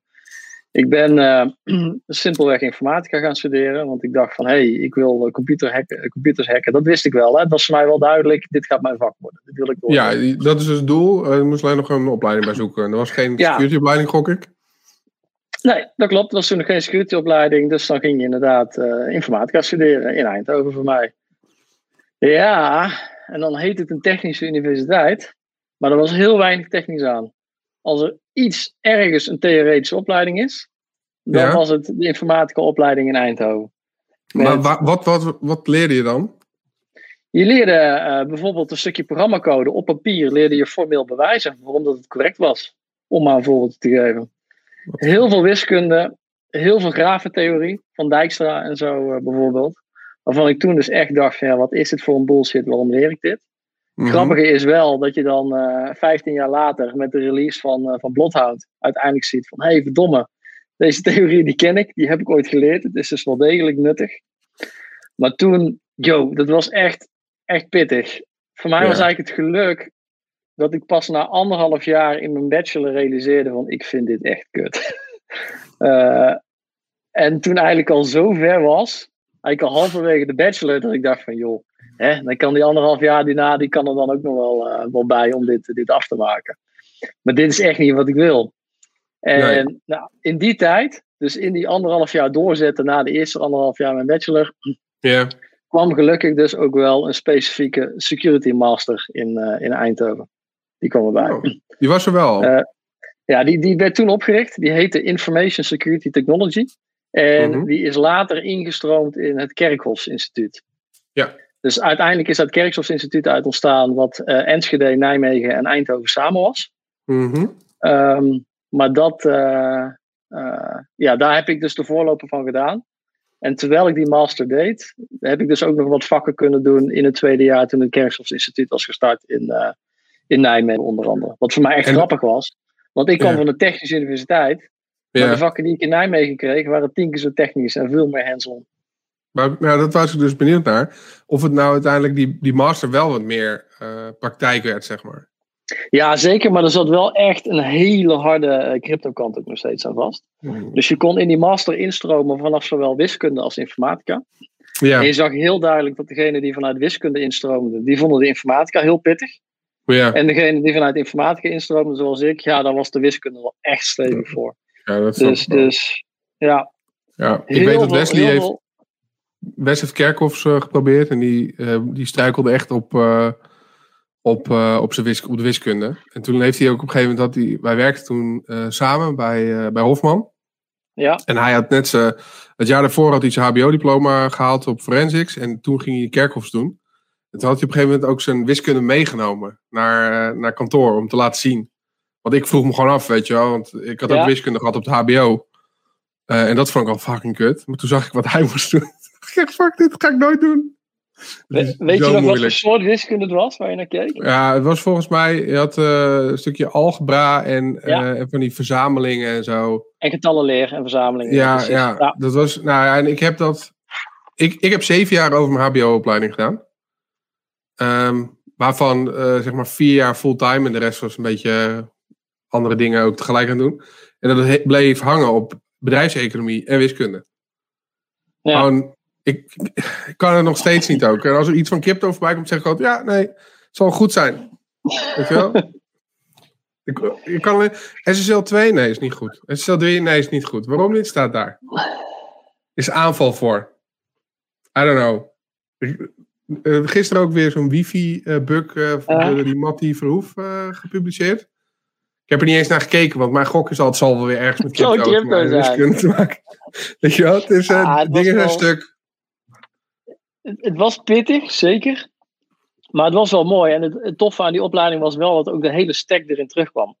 Dus je begint met de onderste laag aan wiskunde. Hè? Dus echt Ja, getallenleer, eh, over, over priemgetallen en dergelijke, verzamelingenleer, eh, algebra, dat soort zaken. Nou, als je die wiskunde kent, dan kun je daar vervolgens eh, cryptografische algoritmen kun je daarop gaan bouwen. ja. Dus bl- bl- blokcijfers en dergelijke. Mhm. Ehm, dus we hadden ook dat, letterlijk vakken, wiskunde. Vervolgens een vak cryptografische algoritmen. En dan ging het dus inderdaad hebben over hoe dat die wiskunde terugkwam in allerlei cryptografische algoritmen. Op Ja. cryptografische algoritmen kun je vervolgens protocollen bouwen. Eh, neem een Diffie-Hellman bijvoorbeeld als een heel makkelijk, eh, een heel makkelijk protocol. Ehm, en op het moment dat je dus de correctheid van de algoritme kunt aantonen, dan is er vervolgens ook allerlei theorie over hoe dat je een aanvallersmodel kunt bouwen en met dat aanvallersmodel de correctheid van een, eh, een, een cryptografisch protocol kunt, kunt bewijzen. En op Ja. cryptografische protocollen kun je vervolgens weer cryptografische systemen bouwen. Zoals Ja. SSL, TLS of, of Kerberos. En ik vind het op zich wel cool. Eh, ik doe in mijn werk heel veel met Kerberos. eh, en Kerberos exploiting en dergelijke. Dan is het wel echt ergens wel tof om terug te kunnen naar die basis en te snappen hoe dat het allemaal op elkaar is gebouwd. Ook al zou ik de wiskunde die ik toen heb gedaan vandaag de dag echt niet meer de puffer hebben om er ook een beetje in te duiken. Dat moet ik ook wel heel eerlijk zeggen. Oké. Maar dat was, dat was wel cool, die master. En er zaten ook echt gruwelijke hands-on vakken in. We hadden bijvoorbeeld een vak Hackershut. Ja, dat ging Ja. gewoon over, me- over memory corruption. Oh, En het mooie was, dat werd dan gegeven door een wiskundedocent. Dus een wiskundedocent die in zijn vrije tijd... Ja, Oh, ja nice. Andri- Andri- Andries Brouwer. En die was Ja. handig in... eh, die schreef onder andere in zijn vrije tijd aan eh, keyboard drivers voor de Linux kernel en dat soort zaken. En die gast was dus ook handig met memory corruption. En die gaf gewoon op, op papier, er kwam geen slide aan te pas. Hij had Ja. van die overhead, had zijn overhead projecten waar hij op schreef. En die schreef dus zijn memory corruptions uit. Deed met vakjes? Dat hij van dit zijn de... de Ook, ook, ja, precies. Maar die het hele vak was gewoon vanaf een overhead project. Super vet. Jeetje. Ja. Nou, dat is wel dik. Eh, ja. Ik kan me niet voorstellen dat het... eh, ik weet nog dat waar de eh, een gast die gaf C-Sharp. En die was ook... Maar ook de Cisco, eh, de CCNA courses. Weet je wel? En dan CCNA was super goed in. C-Sharp was eigenlijk gewoon... Ja, hij had ook, had ook een boek gelezen dat, dat idee. Dus ik kan me niet Ja, ja, voorstellen dat je dan mensen hebt die echt super skilled zijn. Dat lijkt me best wel leuk eigenlijk. Ja, Dat, dat heb ik wel echt gemist. Oh, dik. Maar ehm, toen je wat, dus die master ging doen, was het veel meer hands-on. Ehm, hoe, ja, had je dan ook echt gave projecten of zo waar je dan aan ging werken? Of was het wel allemaal een beetje lesachtige stilo? ja, het zijn wel echt vakken. Dus, dus waar je inderdaad vaak denk ik op het HBO wel echt projecten en zo hebt, Ja, was het bij ons in ieder geval in de master echt wel vakken. oké. Waarin het gewoon heel veel theorie was, ook wel wat praktijkopdrachten. Dus Mhm. bijvoorbeeld eh, lekker vinden in, eh, in cryptografische protocollen en dat soort zaken. Als ook eh, dingen daarin zelf programmeren. Eh Hackershut, dan kreeg je dus op papier kreeg je de uitleg van de format string exploit. En die moest je dan wel na, de, na het college moest je die zelf gaan, eh, gaan implementeren. Dus dat soort zaken wel. Dat Maar echt grote, grote projecten niet. En die kwamen pas bij mijn, eh ja, eigenlijk mijn afstudeerproject. Wat was dat? En eh, Men in de browser. Oh, dik. Ja, ik had ergens een paar jaar daarvoor al een keer wat, wat proof of concept code geschreven voor men in de browser dingen. Wat toen natuurlijk opkwam met eh Zeus en later ook SpyEye. En daarna kwam natuurlijk de hele riedel van Drydux, Gozi, Trickbot, weet ik veel wat er allemaal nog achteraan Ja. kwam. Maar dat kwam toen de tijd een klein beetje op. Eh, ik had er wat proof of concept code voor liggen. Mhm. En ik heb het gewoon als voorstel ingeschoten van hey, ik wil dit doen. En ik ben uiteindelijk op een plek terechtgekomen om een afstudeerproject te doen waarvan ik nooit verwacht had daar, te, daar terecht te komen. Dat was KPMG. Dus uh, een accountantskantoor, wat verdomme ook nog een hackersclub bleek, te hebben. Ja. Uh, mannen in pak. Jongen, ik had, ik had nog nooit een pak gedragen. Dus ik, uh, ik, ik denk dat ik zelfs nog niet eens een nette blouse had. Dus die ben ik gaan kopen voor mijn uh, sollicitatiegesprekje voor, uh, voor mijn afstudeerproject. Ja. ik had alleen een pantalon aan, dus geen jasje. En ik, ik kreeg nog als feedback op mijn sollicitatiegesprek van, joh, misschien de volgende keer een jasje aandoen. heb, ik gezegd, heb ik gezegd, maar dat ben ik niet. En ja. nou, die opmerking kwam van de recruiter. En uiteindelijk, oh, okay. de, de, leidinggevende van het team die heeft heel hard gelachen om die opmerking. die zei, jongen, je hoeft je bij ons niet te scheren. Die oorbel mag je inhouden. En als jij geen jasje aan wil, helemaal oké. Okay. Ja. Wij, zijn, wij zijn anders. En dat beviel mij wel. Oh, dat is super chill. Uh, dus dan bleek er zelfs in zo'n gruwelijk formele club als, uh, als KPMG. En je zag ja. eigenlijk bij, die, bij Deloitte, Ernst Young en PwC hetzelfde. Dat dat Mhm. toch wel hackersclubjes waren met hun eigen identiteit. En het mooie was wel van dat soort clubs, die hadden bij alle grote banken hadden ze ingangen. Dus uh, ik heb daar wel de kans gekregen om mijn uh, kennis rondom man in de browser aanvallen en hoe dat nou echt technisch in elkaar steekt. Ja. En welke, op welke plekken dat je kunt intercepten in een browser. Of dat nou add-ins zijn, of het hoeken van de SSL-libraries, of dat soort zaken. Ja, dat dat de technieken waren. En uh, ja, daarmee wel een hele mooie start kunnen maken van, van een echte professionele carrière. Want, Want je kon ook al die, je kon ook al die, uh, zeg maar die, die banken te spreken krijgen over waar zij last van hadden op dat moment. Ja, en ook nog de juiste mensen binnen, binnen de banken. Dus dat was, dat was wel, wel heel cool aan zo'n afstudeerproject. Zeker. En dan zie je dat, dat het dus helpt om bij zo'n partij je afstudeerproject te doen. In plaats van uh, bij de bakker op de hoek of uh, puur vanuit de Unie. Ja, nou dat, dat, dat, dat snap ik ook wel hoor. Want ik had, ik heb zelf afgestudeerd bij Logica. Uh, ja. Toen nog Logica CMG. En uh, ja, dan krijg je, uh, dat was zo'n grote omgeving om, om in samen te werken. Met allemaal verschillende mensen. Ja, daar, veel meer resources. Daar kon je heel veel leren. Uh, in zo'n in zo'n omgeving. Al had ik niet gegokt dat ze bij KPMG een, een team met mensen met verstand van security zouden hebben. Ik weet natuurlijk hoe Mark ook, ook vandaan komt. Maar ik had op voorhand, wist ik niet. Ik heb wel ooit, ik heb trouwens ooit bij Deloitte gesolliciteerd. Oh. Nog. Ja, was tegelijk dat ik bij Hofman aan het solliciteren was.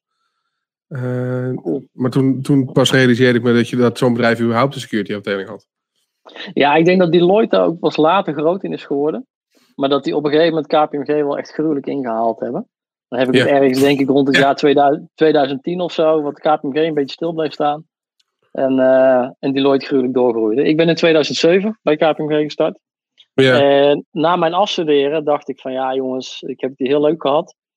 Maar uh, vanuit Rosmalen naar Amstelveen, een uh, stuk A2 wat toen nog twee baans was. Dat ik dacht Ja. vergeet het, ik ga niet heen en weer lopen rijden. Dus ik ga ergens dichter bij huis ga ik, kijken of ik daar kan werken. Nou, ik ga geen namen noemen hierin. Maar ik kwam terecht bij een klein clubje wat, wat dichter in de buurt van, van Den Bosch.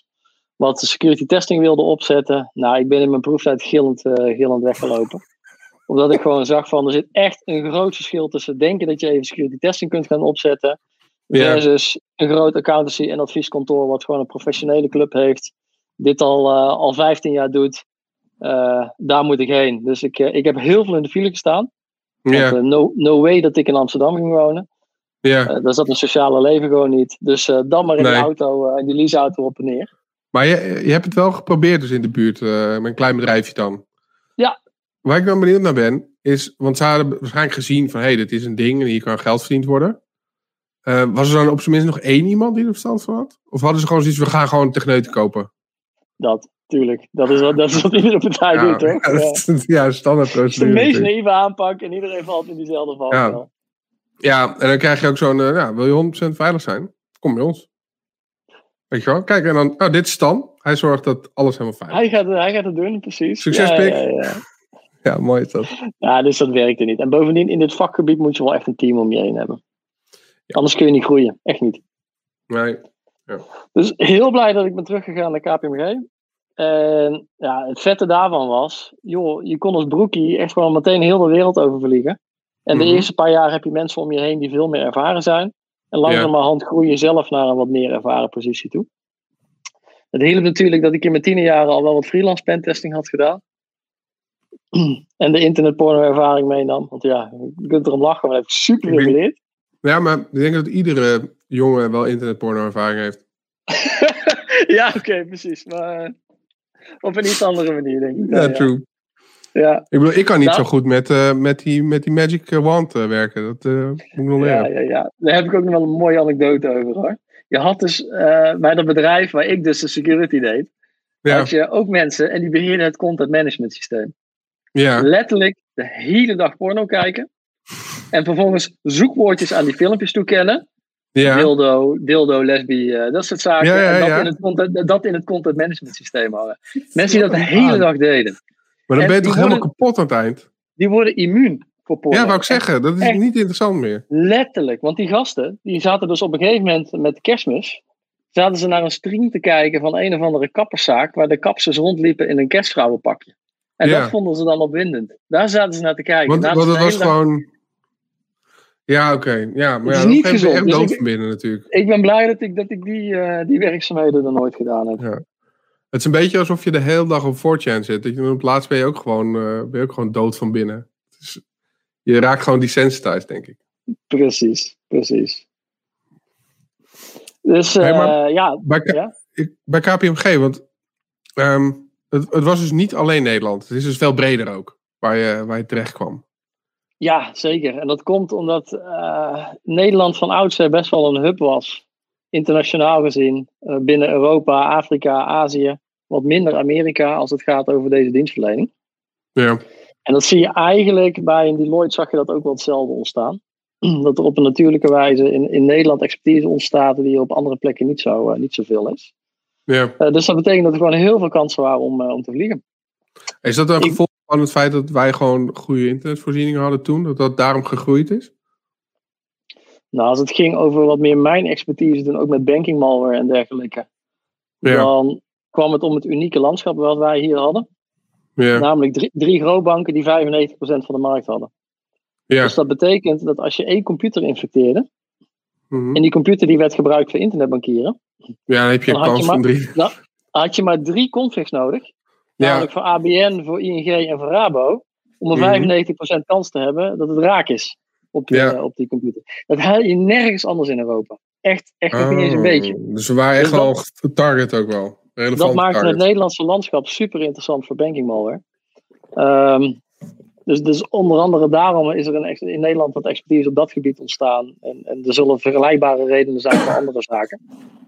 Vraag je over echt- banking malware. Ja. Ehm, want ik heb eigenlijk eh, naar SpyEye en zo, en dat, dat kwam wel voorbij. En ook Zeus. Ja.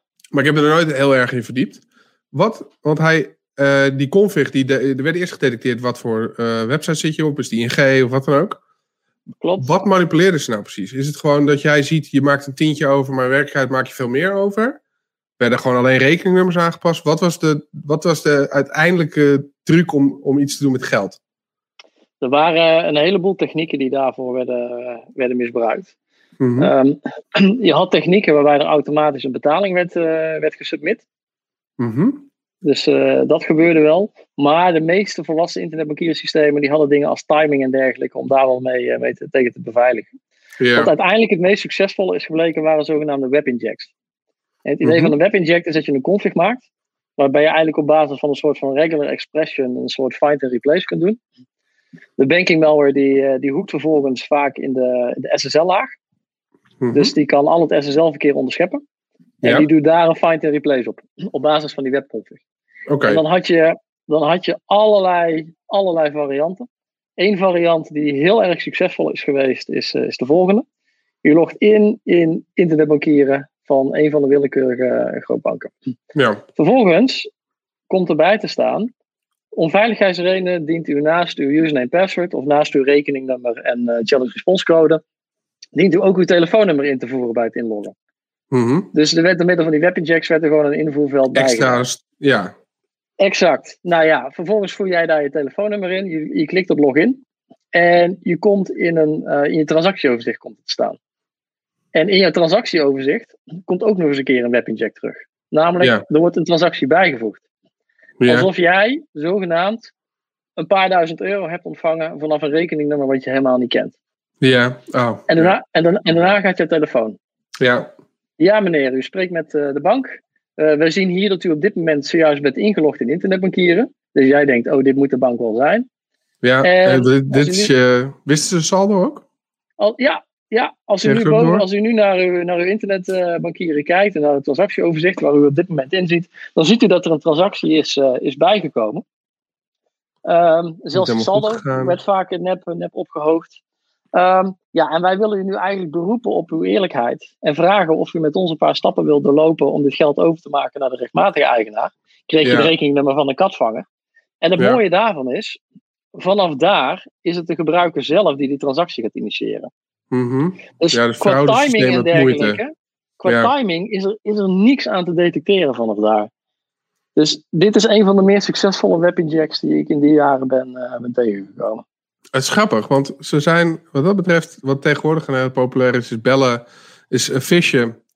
En als ze dan intrappen, dan uh, ze laten bellen en zeggen dat ze met een gespoefd telefoonnummer. Ja. Dan zeggen ze, hoi, ik ben van de bank. Nou, weet je je saldo's, weet al van dat soort dingen. Ja, als zij geld gaan overmaken, dan gaat het opvallen.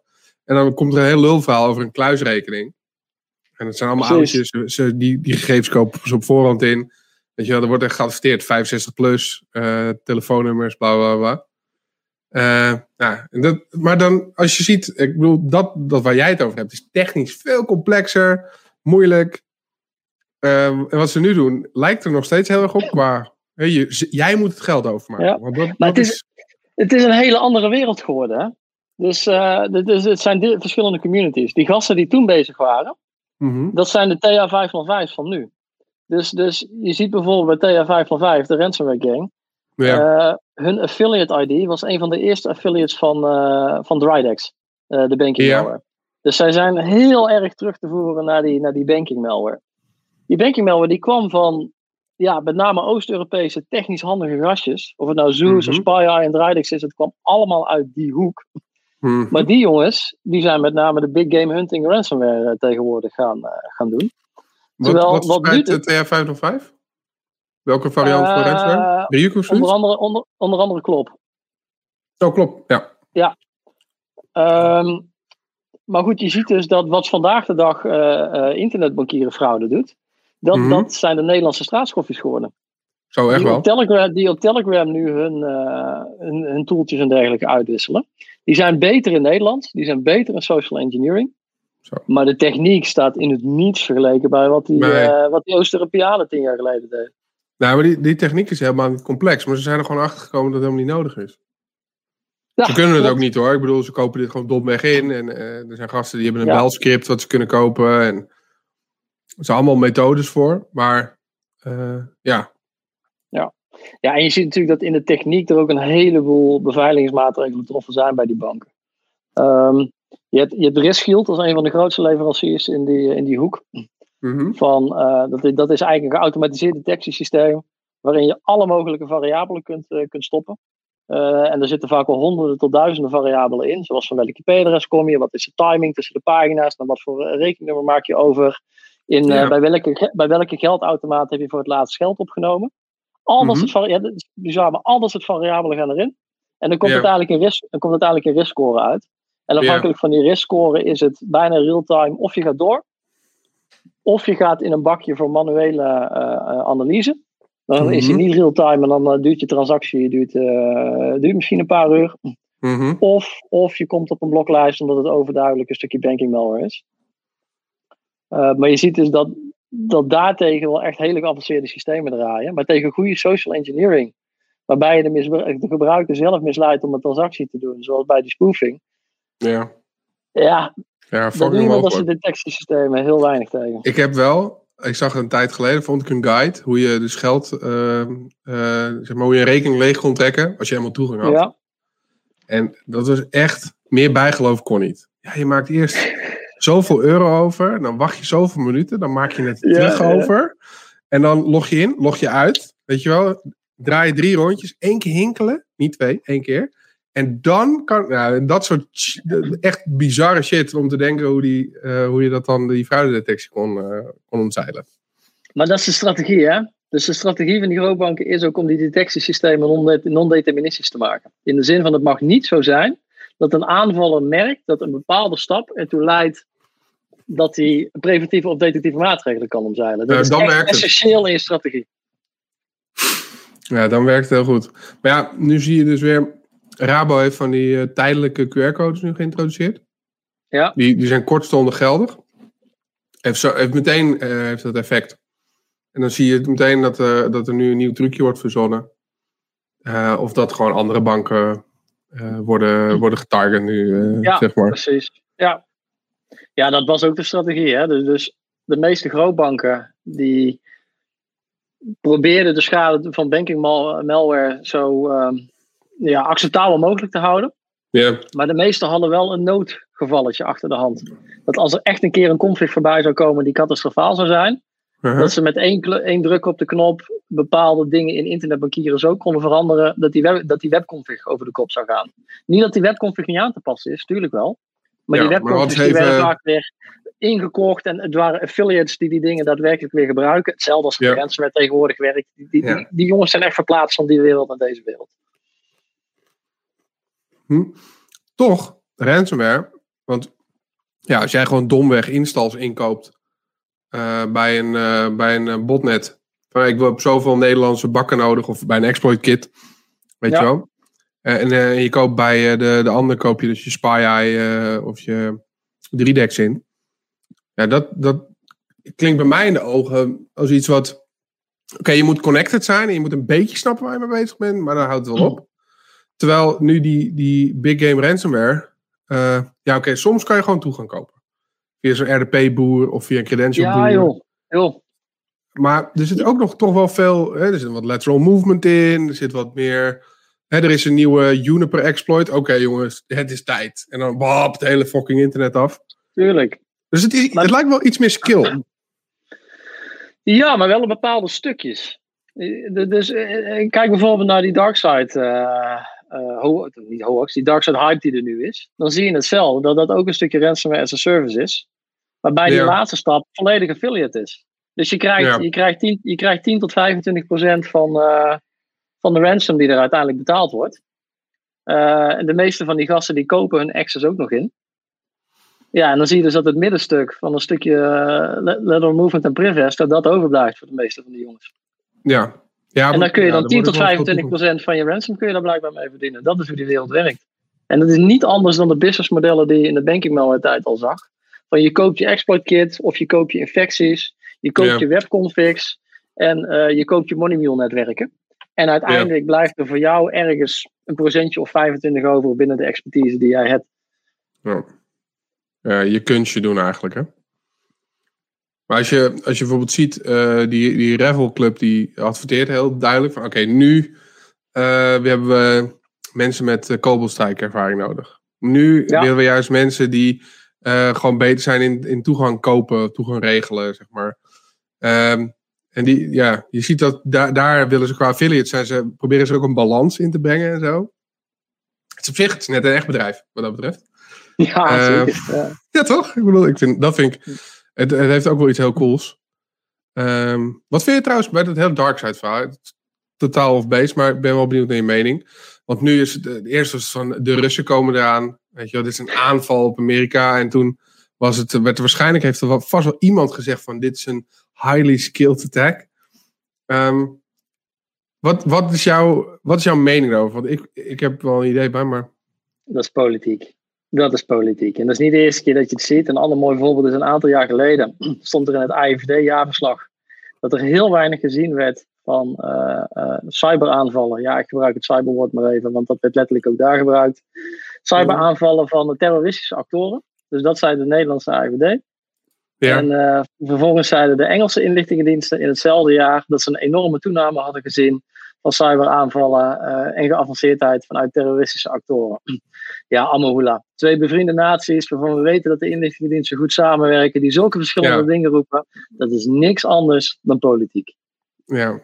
En datzelfde Ja. zie je nu natuurlijk met, met, met zo'n verhaal als deze. En, maar denk jij dat het gewoon een oepsje is geweest van die gasten die die, die ransomware hebben gedeployed? Die hebben toch gewoon, die dachten gewoon, hé, hey, ik heb een netwerk, ik ransom het netwerk en ik vraag om geld. En dat, dat, dat het effect dit is, dat hadden zij gewoon niet voorzien. en dat boeit ze ook helemaal niet. Ja, misschien nu het boeit niet. het ze wel. De, de kans is groot. Uh, het kan ook zijn dat er inderdaad wel degelijk een stukje statelijke actor uh, achter zit. Als ik mijn geld ergens op moet inzetten, dan zou ik op een oepsje inzetten. Ja. Uh, maar ik zet mijn geld liever ergens anders op in dan, dan op zoiets. Ja, oké, okay, fair enough. Nee, maar ja. ik snap dat de gok lastig is. Maar als ik er naar kijk, dan denk ik... worden er alweer hele verhalen over de, de... Weet je wel... Dit is voorbedacht en... en ik dacht alleen maar, ja, ransomware boer komt binnen. Domeincontroller, GPO, later en die is gewoon, weet je wel, die heeft, die heeft de ransomware achtergelaten. En die dacht, nou, ik ga nu eh, slapen wachten tot ze me een miljoen komen brengen. Exact. En denken dat dat soort grote partijen niet in dit soort patronen kunnen vallen is bullshit. Wij zien het vaak genoeg in dingen als die we testen en zo.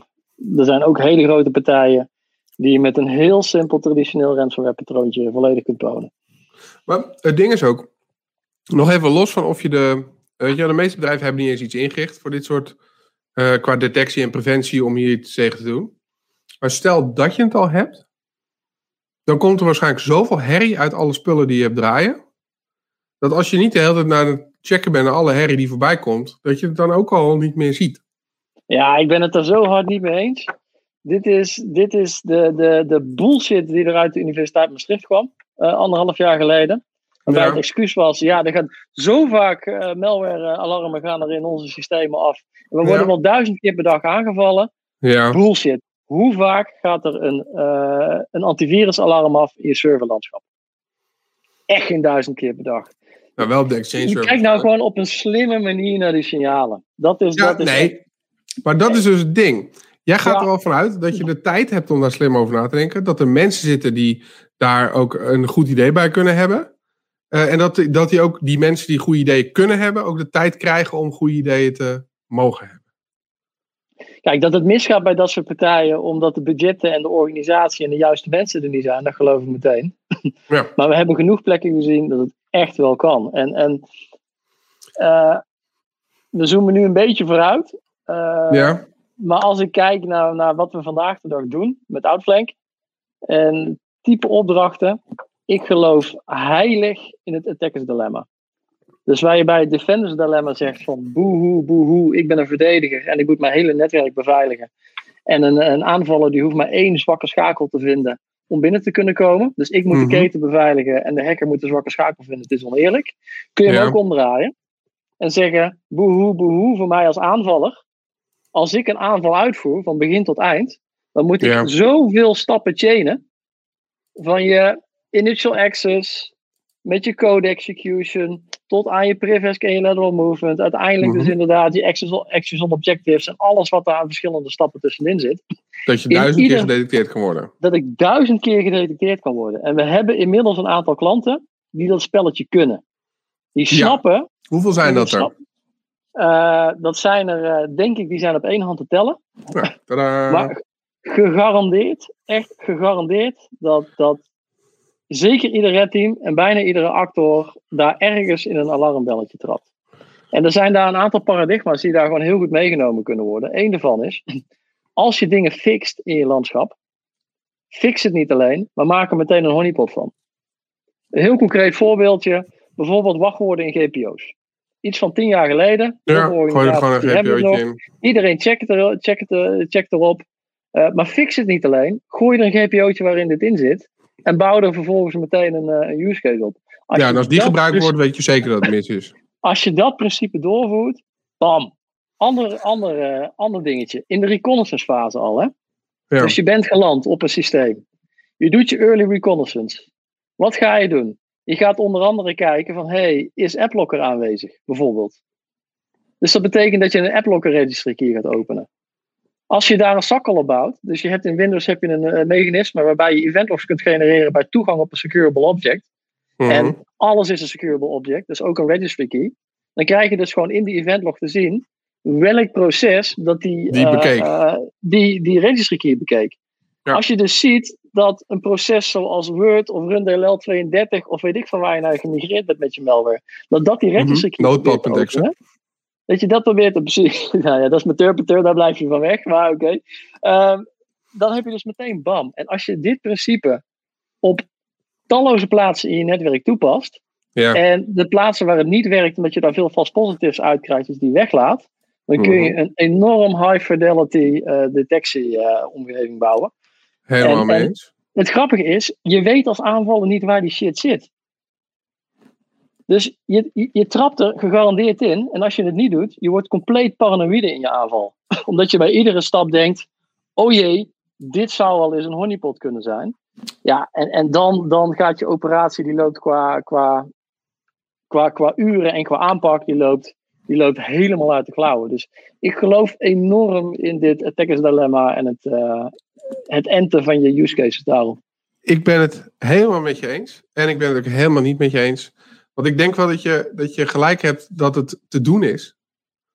Ehm, maar als je kijkt naar de gemiddelde organisatie, dan wordt er gewoon een of andere fucking dure tool gekocht. En dan gaan ze er alle logging in stoppen die ze konden vinden. En nog Dan meer. krijg- en, en dan, Dan krijg je alle een dark standaard tools. race. Dan krijg je een dark race, een prachtige kreeg laatst een mailtje.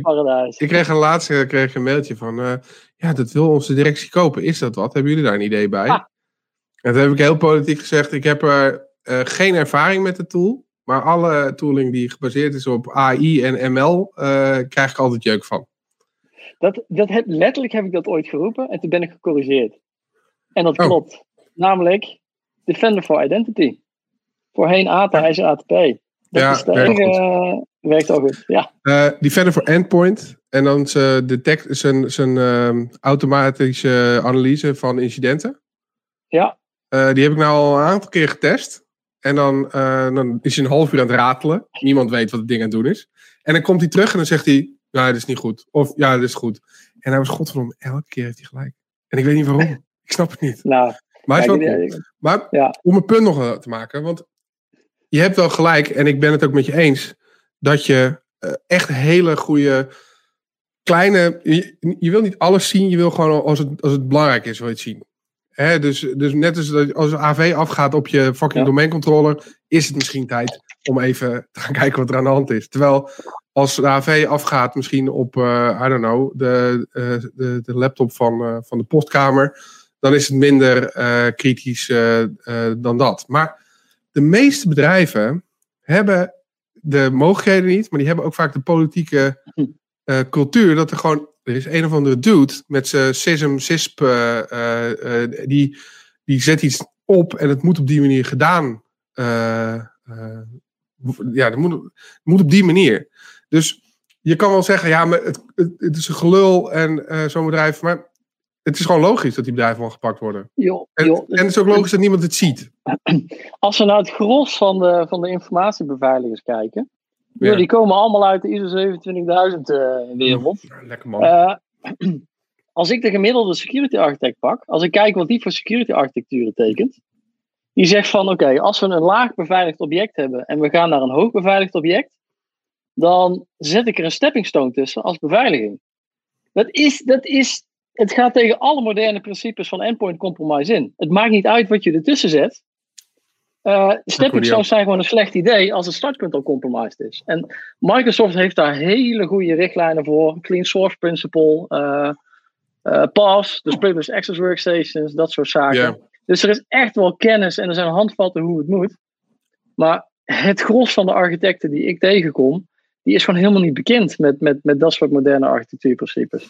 Dus ja, ik vind het heel, heel vervelend om te zien dat er echt wel een deel is van de community wat heel goed weet hoe het moet. Eh, zowel qua detectie als qua preventie. Ja. Maar dat dat gewoon, ja, qua, qua, qua resources is het gewoon niet voldoende om dit bij alle plekken waar het nodig is in Nederland en in het buitenland, om dat daar eh, te kunnen gaan uitrollen. Nou, dat en het is ook helemaal niet betaalbaar. Dus eh, wat je. nou, stel dat je mag kiezen.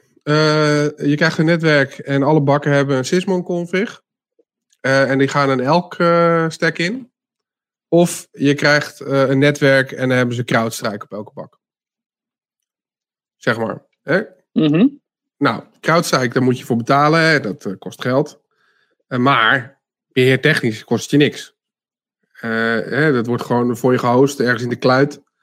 Of eh, je neemt. eh, het, het is gewoon vanuit zo'n managementperspectief. Ik heb, ik heb in die situatie gezeten. Zij vroegen ze: moeten we Carbon Black, eh CrowdStrike of eh, Sysmon eh, nemen? Dus wij hadden gezegd: nou, eigenlijk zou je Sysmon zou wel mooi zijn.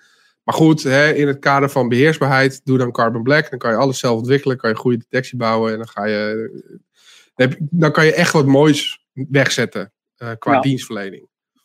Ja, toen was maar CrowdStrike had, uh, had machine learning. En, uh, en weet ik veel wat gelul. En uiteindelijk werd de Shiny CrowdStrike doos.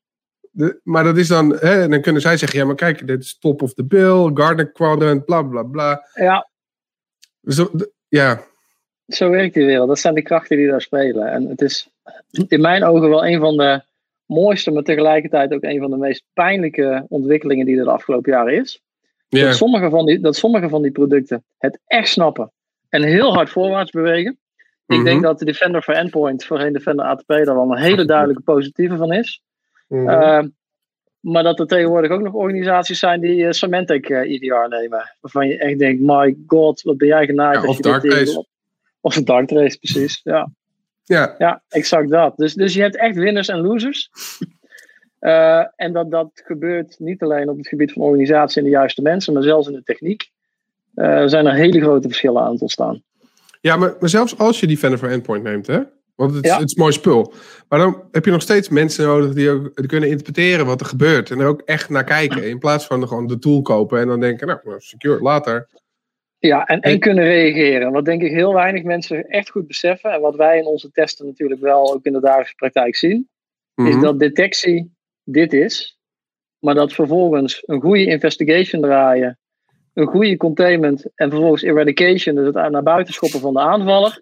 Dat Ja. is honderd keer zo moeilijk. Ja, ik, ik heb hier een leuke anekdote bij.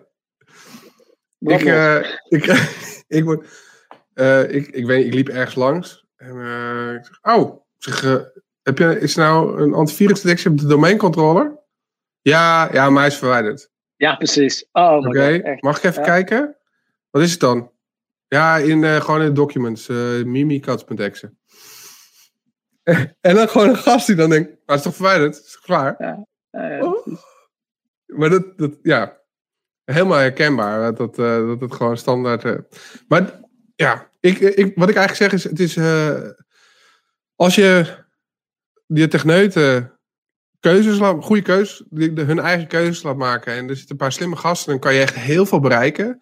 Maar als je kijkt naar de gemiddelde security organisatie, zitten daar meer security managers dan dat er mensen zitten die snappen hoe het werkt. En er zitten ook Ja. meer mensen die een ass aan het kofferen zijn door gewoon te zeggen: ik heb het top of the line product gekocht met het allerduurste. Oh, en ik ben ook nog ISO eh, gecertificeerd. en, eh. Dus ik vind het ook wel logisch dat het dan gebeurt. Ja, of, of afdelingen van security die een papieren werkelijkheid aan het bouwen zijn. Hè? Hmm. Dus dingen als eh, risk registers en riskacceptatielijsten en dat soort zaken. Waarmee ik niet zeg dat het geen waarde heeft, vast wel. Maar het is heel interessant om Ik te heb het zien dat, dat een aantal hele grote. Nou, kijk even naar de Tiberwereld. Hè? Dus financiële instellingen die al jarenlang onder toezicht staan van DNB en of AFM. Mhm. Die flinke budgetten hebben, dus daar ligt het echt niet aan. Die al jarenlang prima door het toezicht heen komen. Maar waar we met een Tiber-test echt gewoon geen spaan erin laten. Waar we gewoon echt, echt volledig alles kapot hacken. Ja. Dan denk je ook van wat is hier jarenlang aan een papieren werkelijkheid geweest over risico's. En als ze er één keer echt doorheen prikken, dan halen we de echte pijn naar boven. Dat vind ik, vind ik heel interessant om te zien. En ik ben wat dat betreft ook wel echt heel blij dat DNB eh, besloten heeft om in hun toezicht, of, of in ieder geval in het weerbaarder maken van de sector, Ja. gewoon serieuze aanvalstesten mee te nemen. En de AFM gaat volgend jaar een vergelijkbaar programma draaien. Ja. En de, zor- de zorg is vanuit ZZ nu ook een soort Tiber voor de zorg aan het starten. Dus het is Oh, echt dat, heel dat cool. is echt alles kapot. Dat weet ik Heel cool. Ja, dat klopt. Maar het is wel, het is wel wat er nodig is in dat soort sectoren. Ik ken echt maar één ziekenhuis die überhaupt iets aan eh, dit soort beveiligingen en ook die, maar die tripwires waar je het net over had. Ja. Weet je wel, die hebben, die, die hebben daar echt wel, wel tijd in geïnvesteerd. En die zijn ook echt best wel goed bezig. Maar eh, de, de rest is gewoon oude meuk. En als je dan wat van zegt, dan ja, maar dat moet, want hm, reden, weet je wel. Yep. Dus ik ben er heel benieuwd naar. Maar eh, om nog terug te komen op die eh Tiber-test. Want als je dan nu, hey, je komt dan in die papieren werkelijkheid bij zo'n bank. Mhm. Alles is kapot gehackt aan het eind van de rit. Dan kan je twee dingen doen. Eén, je kan gewoon zeggen: Dankjewel voor het rapport. Deze gaat bij onze risk register erin en we accepteren het. Ehm, en twee, eh, je kan er ook echt wat aan, aan doen. Maar dat, dat best wel, kost een hele hoop tijd, een hele hoop mankracht. Zie je dan ook dat er wat mee gebeurt? Ja, enorm. Echt enorm. Al, allereerst, Tiber, het zijn maar een paar banken. En de rest zijn andere financiële instellingen. Clearinghouses, settlementpartijen. dus er is echt... De financiële kerninfrastructuur is eigenlijk maar nauwelijks banken. Maar er zit veel meer achter. Dus dat even vooropgesteld.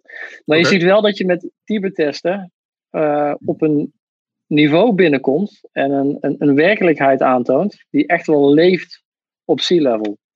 Dus op het moment dat je laat zien van hé, hey, we zouden een hele financiële instelling at ransom genomen kunnen hebben. Mhm. Uh, en dat zou betekenen in dit geval dat je de weken tot misschien wel nog langer uitgelegen zou hebben. Dus waarschijnlijk out of business. En DNB die zit ernaast. Niet per se in een toezichthoudende rol, maar wel als begeleider van, de, van zo'n Tibet-test. Ja. Ja, dat, dat leeft echt wel hoor, op dat niveau. Dus eigenlijk alle Tibet-testen die we tot nu toe gedaan hebben, ik geloof dat er een stuk of, uh, het zijn er in ieder geval meer dan tien geweest, Ja. uh, zien we wel dat daar heel serieus naar gekeken wordt. Oké. Maar Dus dat is wel top. zijn ze dan ook in staat om wat, echt wat, wat, wat de verandering bij zo'n groot, zeker grotere financiële instellingen, die veranderen niet snel. Dat zijn olietankers. Wou ik zeggen. Dat, eh, dat zijn tra- tra- trajecten van een jaar plus om, eh, om iets aan te passen. Natuurlijk, natuurlijk is ook de eerste vraag die Dennis stelt, is komt er wel voor het budget?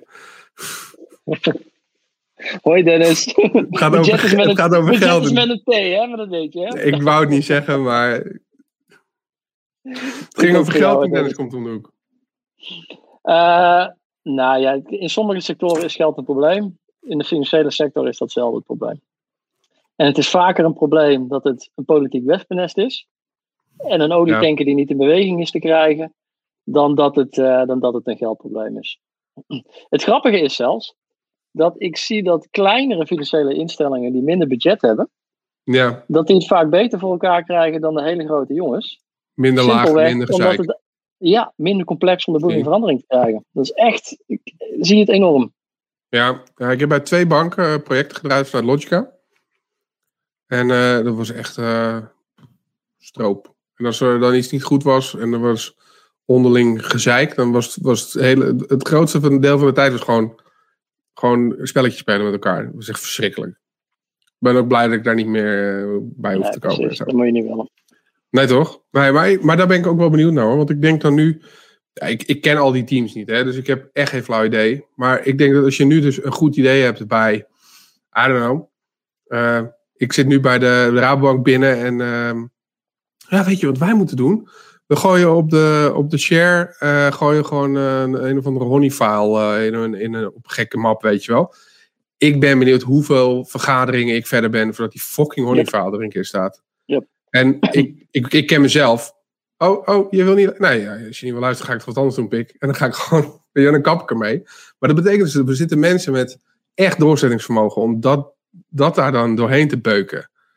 Op zich, En- en daar is ook daarom wat zit jij bij- zeggen? Daarom zitten jij en ik bij een kleine start-up. En niet, Ja. bij, niet bij zo'n partij. Eh, maar het kan wel. Serieus. eh, we hebben een aantal Ja? buitenlandse hele grote financiële instellingen. Ja. eh, die echt dit soort shit gewoon op orde hebben. Maar de eerste keer dat wij dat tegenkwamen waren we ook verbaasd. Dat we echt dachten van, oh, het kan dus wel als gewoon de juiste mensen zijn die doorduwen op dit soort dingen. Och, nou, het- ik heb er wel ik heb er respect voor. Ik, ik heb nog nooit begrepen dat iemand er überhaupt doorgaat. Maar ik heb er wel respect voor als je het, de, de focus lang genoeg kan houden om zoiets te realiseren. Eh, want het is, het, is, blijft, het is en blijft heel nuttig. Om, om bepaalde maatregelen door te voeren. Ja. Eh, ja. Het, is, ja, nou, het is wel precies de reden dat ik ook eh, bij een klein bedrijf werk. Dat is gewoon veel leuker. Eh, want als ik eh, vandaag wat verzin, dan kan het morgen werkelijkheid zijn als het moet. Hè, dan gaan we vanavond gewoon door. dus dat, dat, Dat soort dingen. Precies, ja. Maar, dat is, oh, daar ben ik wel benieuwd naar, hoe, hoe jouw ervaring is. Want eh, dat is zo. Je kan vandaag iets verzinnen. Als het echt moet, dan gaan we gewoon en dan doen we het. Eh, maar ik ben er ook achter gekomen dat we inmiddels eh, zeg maar, heel veel ideeën hebben. Ja, goede ideeën. Dat, dat zeg ik dan, want het is mij niet, dat zijn mijn eigen ideeën. Maar dat, dat je dus nu eh, zoveel ideeën hebt, dat het eigenlijk lastig is geworden. Want je hebt niet de resources om het allemaal te verwerkelijken. Dus je moet wel gaan kiezen nu. Ik weet niet hoe jullie dat uh, ervaren. Ja, dat herken ik enorm. Um, wij hebben recent OST gelanceerd, Outflank Security Tooling. Wat eigenlijk mhm. betekent dat wij onze interne toolkit nu onder bepaalde voorwaarden ook commercieel aanbieden aan andere red partijen. Zowel consultancypartijen als interne redteams. Ja. En we zien enorm dat onze in-huis ontwikkelaars uh, dat die het liefst denken over 10 miljoen wilde ideeën voor versie 21. Mhm. Maar dat er ook gewerkt moet worden aan ja, versie 2 en het daadwerkelijk stabiel houden van, uh, van de omgeving. Ja, die, ene feature of die ene bug. Die balans, dat, houdt, dat, dat vraagt enorm veel energie van degene die dat proces managt. En dat is collega Mark Bergman. Alle lof voor jou dat je ons team uh, in gereel weet te houden op dat gebied. Maar ja? enorm moeilijk. Ja, ja, ja. ja. ja. Ja, ja ik, ik weet niet hoe jullie, uh, hoe lang, ja, toen jullie bedachten we gaan OST bouwen, ja. Uh, had je een idee hoe lang het ging duren, denk ik? nou ja, het mooie was, het mooie was, het meeste van OST hadden we al gebouwd. Want dat was namelijk onze interne toolkit. Die hadden we sowieso al. Ja. Maar als je, als je serieus met red teaming bezig bent, dan kom je erachter dat je ook een serieuze toolkit nodig hebt. Die een mhm. belachelijke hoeveelheid RD eh, nodig heeft. Dus een belachelijke aantal uren research en development. Ja. Dat is op een gegeven moment gewoon, gewoon niet meer houdbaar. Uh, dus wij zagen echt een kans om te zeggen van hé, hey, waarom houden we dit voor onszelf? Terwijl we ook zouden kunnen zeggen, er is een win-win situatie die je kunt creëren. Namelijk, we mhm. kunnen andere partijen laten profiteren van de tooling die wij toch al ontwikkelen. En op die manier kunnen we een inkomstenstroom genereren, waarmee we onze RD nog beter kunnen, kunnen funden. Mhm. Daarmee worden de tools alleen maar beter en op die manier krijg je een positieve cyclus, ja. waarin eigenlijk alleen maar iedereen steeds blijer wordt. Dat is de theorie.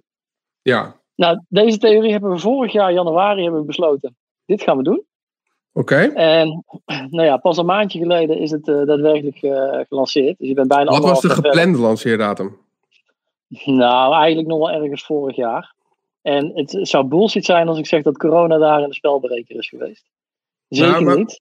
Want, maar meer, wat was ongeveer de, de duur? Want had je, had je gedacht, het gaat zes maanden duren? Ja, en, en ja. zes maanden was wel echt zeker. Uh, met name omdat er een heel, heel slopend juridisch traject bij hoort. We waren eigenlijk de eerste in, uh, in Nederland die, die dit is gaan doen. Sterker nog, mhm. wereldwijd zijn we bijna een van de eerste. Er zijn wat partijen in de VS die dit uh, iets vergelijkbaars doen. Je hebt natuurlijk Cobalt Strike. Uh, je hebt een product als Red Team Toolkit van, van Silent Break. En je hebt dingen als, als Canvas en dergelijke. Maar de Amerikaanse exportcontroles die zijn veel soepeler op dit soort dual-use software, dit soort inbraaksoftware. Ja. En in Nederland waren we eigenlijk de eerste. En de, tip die we kregen, we hebben een paar specialistische advocaten hebben we ingehuurd om ons hierbij bij te helpen. Mhm. En de eerste tip die we kregen was: ga eens gewoon bellen met de CDIU. Dat is de afdeling bij de douane die hierover gaat. Ja. Dus we zijn gaan bellen bij de douane. Nou, die zaten in eerste instantie met hun oren te klapperen. Want die zijn gewend aan exportverzoeken van, nou, eh, neem eens wat uh, metalen buizen die ook misbruikt kunnen worden voor raketwerpers. Even een, ja. uh, een voorbeeld. Dat zijn ze gewend. Maar inbraaksoftware die door security testing teams gebruikt moet gaan worden. Yo, daar hebben ze helemaal geen ervaring mee. maar het was echt een gouden zet om nog voor onze eerste export gewoon te gaan praten met die gasten. Van hey, wat is jullie wereld? Wat is onze wereld? En wat is er nodig? Um, en eh, dat is heel nuttig geweest. Dus dat betekent dat we ook echt wel dat team hebben leren kennen als een van de minst bureaucratische onderdelen van de Belastingdienst.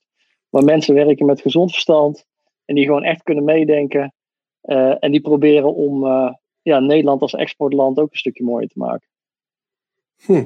Dus dat is wel heel cool. Maar goed, dat en, is nog niet eens, de, nog niet eens de dev-kant. Hè? Geen, geen regel geprogrammeerd nog? Je hebt nog geen regel geprogrammeerd en toch ben je echt al zeker een half jaar verder met alleen de juridische kant. Mm -hmm. Ja, en vervolgens krijg je dus inderdaad van oké, okay, hoe krijg je nou een interne toolkit wat werkt, maar wat voor jezelf geschreven is. Dus je hebt geen documentatie ja. nodig, het mag een keer omvallen en dan snap je wel ja. Waar, je, waar je aan moet werken. Ja, en deze. En de, hoe, hey, hoe werkt het? Ja, je moet gewoon even zo doen, want uh, dit werkt niet. Maar Precies. als je dit doet, dan werkt het wel. Herkenbaar. Hoe krijg je dat nou naar iets wat, wat uh, productiewaardig en stabiel is? Plus waar ook nog eens een keer goede documentatie bij zit. En waar je exportcontroles in hebt ingebouwd. In de zin van dat je het zo lastig mogelijk maakt dat shit kan lekken. Ja. Dus ja, dan ben je anderhalf jaar verder. Maar we zijn wel blij dat het zover is. Ja, dat is op zich wel nice. Ik moet, hadden jullie, uh, toen je erachter kwam dat het na een half jaar, dat, je, dat je het niet ging, ja, je, op vier maanden zit je of zo, en dan denk je, oh, gaan we dit nog, die, die, die, over twee maanden is dit niet af. Hoe heb je, hebben jullie toen gewoon bijgesteld, nou, nou, doen we een maandje bij? Of was het wel, hoe, hoe heb je dat, want ik ben ja, gewoon heel benieuwd. Het was eigenlijk ook gewoon helemaal oké. We hadden één partij, die hadden we dit ingefluisterd. Ja. Dat is een, Nederlandse redteamingpartij. En die zeiden meteen, oh gasten, dit willen wij. Zodra het er is, laat het ons weten. Ja. Uh, daar hebben we een aantal keer de deadline wat vooruit moeten schuiven. Dus gezegd, jongens, het komt eraan, maar. Ja. En op een gegeven moment ook wel gezamenlijk besloten van ja, we moeten ook niet per se een 1.0 release willen hebben. Wij kunnen namelijk allemaal ideeën hebben over hoe dat je deze toolkit moet gaan gebruiken. Maar je zult zien dat een ander team het op een hele andere manier gebruikt en het liefst hele andere features wil. Ja. Uh, dus we zijn het gedachtegoed van wat je noemt een MVP, een Minimum Viable Product gaan gebruiken. Dat is een hele bekende Ja. term uit de start-up wereld. Mhm. betekent eigenlijk simpelweg gezozeerd dat je een alpha of een beta versie eh, released. En je laat je sturen door je eerste klanten in de verdere ontwikkeling. Ja. Dus dat is wat we gedaan hebben. Op 1 januari, of ergens in januari, is dus die pilot klant live gegaan. Ja. Met een MVP. Eh, en dus pas een paar maanden later hebben we het ook richting de rest van de wereld geopend. Ja. En, en nu zit je waarschijnlijk qua features eh, bijna aan wat je ooit bedacht had dat je zou hebben voordat je ging releasen. Nee, er staan echt nog een ton aan features op de lijst. Ik, ik kan wel wat dingen laten zien ook, eh, als je het, uh, Ja, let's go. Als je het leuk vindt. Maar de reden dat ik ernaar vraag is omdat we toen wij onze app gingen ontwikkelen, Ja, toen we begonnen, zeiden we, was ergens in maart, we, ja, september, dan is het, eh, het wel af. En toen was het bijna september, het was echt niet. Nou oké, december is wel af. Nee, nou in december gingen we uiteindelijk met de beta, inderdaad, net als jullie. Oké, eh, nou het wordt niet drie diensten, we doen twee diensten en dan gaan we op basis van MVP, gaan we beta draaien en dan gaan we verder.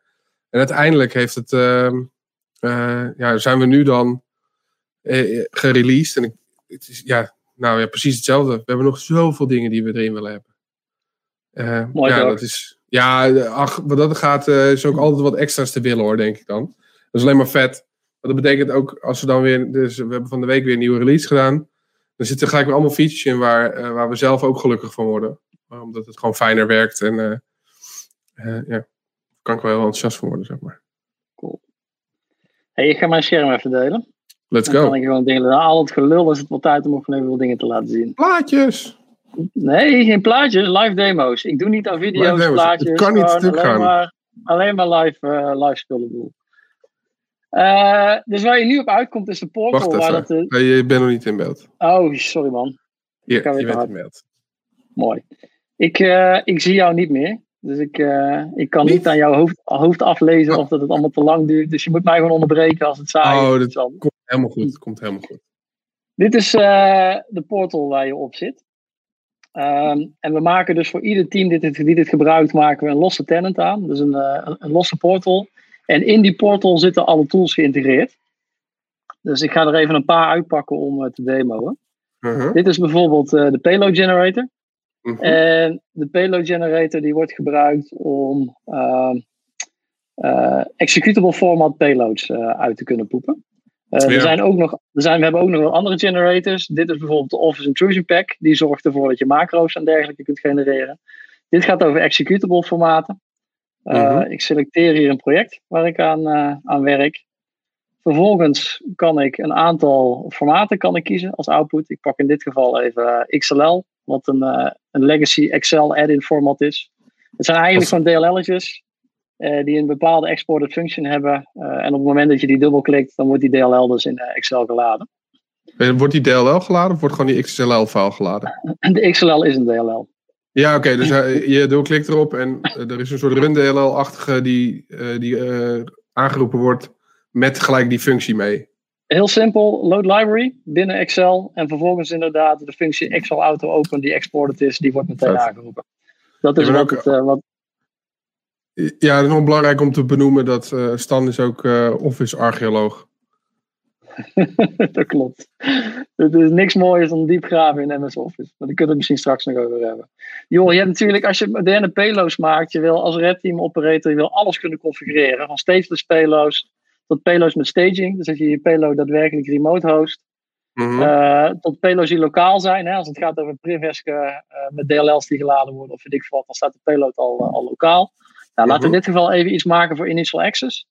Dus pakken dit. Nou, de, de, ik selecteer hier een payload. Die kan ik natuurlijk uploaden van uh, tevoren als ik dat, uh, dat wil. Zijn die eerder gegenereerd, zeg maar, eh, die, deze payload? Ja, wat er hier nu in gaat is gewoon een position independent shellcode. Dus dat is wat ik er in stop. Ik pak wat payload transformations. Dus ik zeg bijvoorbeeld, nou, ik pak een specifieke encoding met een bepaalde encryptie en een bepaalde compressie. Om ervoor mhm. te zorgen dat er daadwerkelijk een shellcode artefact in de, in de stager uh, voor een reverse engineer er niet zomaar uit te halen valt. En vervolgens een techniek om die shellcode te laden. Uh, het is niet om AV te uh, omzeilen?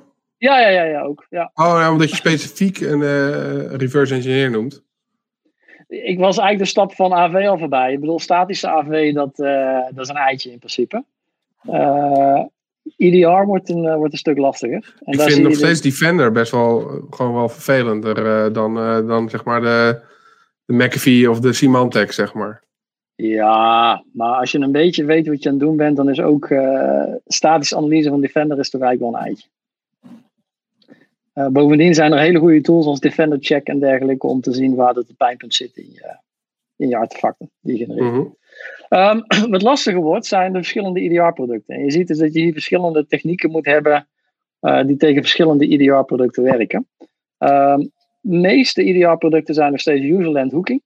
Mhm. Oftewel functies in userland die gehoekt worden en vervolgens geherrouteerd worden naar een DLL van het EDR-product om op die manier te kijken wat een bepaalde functie doet.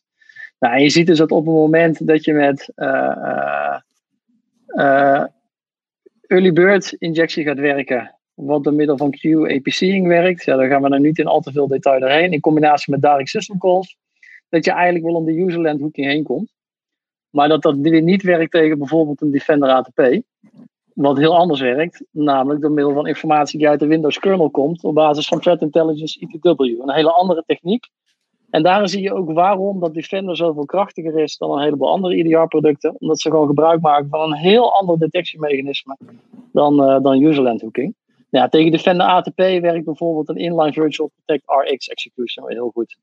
Dus je doet geen process spawning, geen remote injection. Je blijft, je blijft binnen het uh, Excel-proces. Bestaande, ja.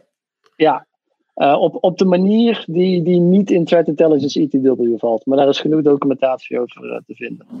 Ja, en vervolgens is het natuurlijk gewoon de magie na wat andere dingen. Je drukt op de knop beeld.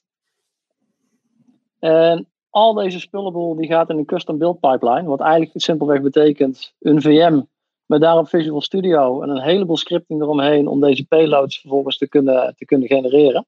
Mhm. De juiste bouwblokken, dus afhankelijk van de code die ik pak, worden de juiste bouwblokken uh, bij elkaar gevoegd, gecompileerd en hier rolt dus een payload uit uh, waar al datgene wat ik hierboven geselecteerd heb allemaal, uh, allemaal in zit. dus na een seconde of 30 tot 60 of zo, dan, dan heb ik die spullenbol dadelijk. Dit draait allemaal bij, binnen Azure gewoon? Dit draait allemaal binnen Azure, inderdaad. Ja, precies. Dat is een van de dingen rondom export controls. Uh, dit kunnen we niet zomaar naar het buitenland exporteren. Dus vandaar dat we dit echt uh, binnen omgeving moeten hebben die, waar het niet zomaar uit te halen is. Dus nou, ja, in dit geval... Is, is, het idee dan dat jullie... Uh, dat, dat als ik dus mijn eigen omgeving krijg, dan zit het ook allemaal binnen ja, het draait niet op jouw infrastructuur, maar wel binnen jouw eigen omgeving binnen, binnen Azure. Dat is het idee. Ja. Nou, dan heb ik dus hier mijn eh, payload in dit geval. Uh, die zal ik eens even kopiëren naar een VM'tje. Ploppen de plop. Dit is dus een XLL, wat ik zeg, hè, dubbelklik. Je krijgt een security warning. Die ziet er wat anders uit dan, een, uh, dan die van de macro. En als de gebruiker dom genoeg is om in dit geval op enable te klikken, ja, dan is dit alles wat er nodig was voor een infectie. In dit geval wat we erin gestopt hadden was een Cobalt Strike payload. Dus we zien hier zojuist inderdaad om uh, tien voor drie zien we een, uh, een tweede oh, verbinding hier binnenkomen. Ja. Dus dit was uh, de payload generator. Waar heb je eigenlijk geconfigureerd? Want ik zag helemaal niet waar die heen connecten. dit, dit, zit hier in die. Oh, dat zit natuurlijk in de, de, payload die je van tevoren had voorbereid. Yes, ja, yes, exact. Nou, Cobalt Strike is een fantastische toolkit, maar er zit best wel een gat tussen je stage zero, wat we noemen initial access, En je Mhm. stage 2, wat betekent je interactieve operatie met een C2-framework, zoals Cobalt Strike. Ja. Daar, zit, daar zit een gat tussen, wat een opzeggat is. Dus een operational security gat. En nou, als je een beetje in die wereld ziet, dan weet je dat er de afgelopen tijd heel veel aandacht is geweest rondom memory scanning van Cobalt Strike en dergelijke. Dus het is niet altijd handig om een Cobalt Strike artefact zowel op disk als in memory van een systeem te laden. Ja. Eh, dus dat betekent dat wij hier eigenlijk ook een soort van C2-framework hebben tussen gezet. Tussen Initial Access en je full-fledged C2-framework zoals Cobalt Strike of Mythic of Red Team Toolkit of weet ik veel wat je gebruikt. Ja. Eh, en dat is de stage 1. Die, eh, die zie je hier. Ehm, ik zal ook eens even een stage 1 eh verbindingje aftrappen. Even kijken of ik die hier heb staan. Nee, die heb ik op een andere VM. Dus dit is een payload waar een stage 1 shellcode in zit. Mhm. Dit is een ander C2 framework. Alright, nou als het goed is zien we die dan hier binnenkomen. Ja, Is het trouwens ook, eh, een, hoe heet het voor eh, XLL? De macro's kan je lok- blokken. Ehm, goeie vraag. Daar zit een heleboel haken en ogen aan. Oké. Dus, eh, maar niet de standaard hardening optie. Want bijvoorbeeld je hebt met ja, die... ja, eh, ja, hij zit in de fileblock settings. Dus je kunt het hele bestandsformaat blokkeren. Maar die staat default staat die gewoon nog aan. ja, oké. Cool. Kijk, als we hier naar de help gaan kijken van deze implant, dan zie je aan de commando's. Dit zijn echt allemaal opzeggerichte commando's. Dus echt om het systeem zelf in, eh, in kaart te kunnen brengen. Ja. En op het moment dat je het systeem vertrouwt, hè, dus ik kan hier bijvoorbeeld ook zeggen, nou, draai is geautomatiseerd een aantal opzegchecks. Dus dan Ja. gaat hij checken van, zit er bijvoorbeeld een debugger aangekoppeld aan de implant en dergelijke op dit moment. Ja. Nou, in dit geval niet. Dus hij zegt nul warnings. Nou, als je dus ja, je reconnaissance op een gegeven moment hebt gedaan en je zegt van eh, ik vertrouw dit systeem. Dit is geen Ja. sandbox, dit is geen analist, er zit geen debugger mee te kijken, weet ik veel wat. Ja. Er, er zit een EDR op waarvan ik weet van nou hier komt Cobalt Strike wel doorheen. Dan kun je vervolgens met een aantal loading technieken, zoals bijvoorbeeld lockpulse injectie of early bird injectie, kun je vervolgens weer je volgende stap, je stage 2 malware, wat dus bijvoorbeeld een Cobalt Strike is, kun je laden. En kan je daar gewoon een remote iets ook aan meegeven? Of moet het dan lokaal ook gaan staan? Nee hoor, dat kan inderdaad eventueel ook wel remote. Maar het handigste is om het. eh, ja, en, en lokaal betekent dus op het systeem van de operator. Hè? Er komt niks op disk van. eh, Nee, oké, dat bedoelde ik eigenlijk. Niet dat ik ja, eerst een, een binary moet downloaden en die er moet inladen. Nee, man, nee, dat nee, voelt nee, niet super goed. nee, nee, nee, dat is allemaal in memory spul natuurlijk. Nice. Ik vind het ook leuk dat jullie Dus- die console hebben. eh web-based console, dat is wel dikkie. Nou, bedankt. Er zit een hoop HTML5 troep zit daarachter om dat, eh, dat mogelijk te maken. Maar, Eh, oh, wacht even. Er is een, eh, er is een vraag. Eh, ja, eh, advocaat van de duivel. Wat is het verschil eh, legitimiteit met hackingteam eh et al? Qua waarborg. ja, ja, dat is een hele goede vraag. Echt een hele goede vraag. En om heel eerlijk te zijn, qua techniek niet zo heel veel. Ja, Dus dat betekent dat je met name moet zoeken in de export controls. Wij, Ja. verkopen, wij verkopen niet aan inlichtingendiensten. Mhm. Wij verkopen alleen aan security testing teams. En er zitten allerlei waarborgen in. aan de achterkant, zowel als aan de implant, om daar wat dingen op te kunnen, te kunnen checken. En stel nou, eh, er was nog één zo'n eh, ATP, ehm, APT-team. die deden zich voor als een eh, security testing toko. Die hadden ook een, een bedrijf en een website. Alleen in, Ja. in werkelijkheid waren die fucking shady. Ja, joh, als, we, als, als, we, je- als we je niet kennen, en we kennen echt wel de juiste partijen in de wereld, als we je niet kennen, dan krijg je geen export. Echt niet. Nee, dan, eh, eigenlijk is het ook voor jullie een soort foutje van ik ken deze gast wel of ik ken ze niet. Het afbreukrisico is voor ons zo groot, joh. Ja. We, zijn echt out of, we zijn echt out of business als we hier helemaal mee op onze bek zouden gaan. Moeten we niet willen. Maar in ieder Dus geval dat wat betreft het betekent- OST-deel eh, wel, ja. Ja, precies. Nou, Nee, ik zal zou de Nederlandse laatste... overheid nog hard ingrijpen, denk je? Zou, de douane daar hard op ingrijpen? Ja, ja, ja, ja, ja, ja, ja. ja, ja. De douane heeft allerlei eisen ook aan ons gesteld voor het geval dat ze vermoeden dat er ergens iets misgaat met deze toolkit. Oh, vet. Zeker, ja, ja, ja. Dat uh, exportcontroles zijn heel strikt vanuit Nederland.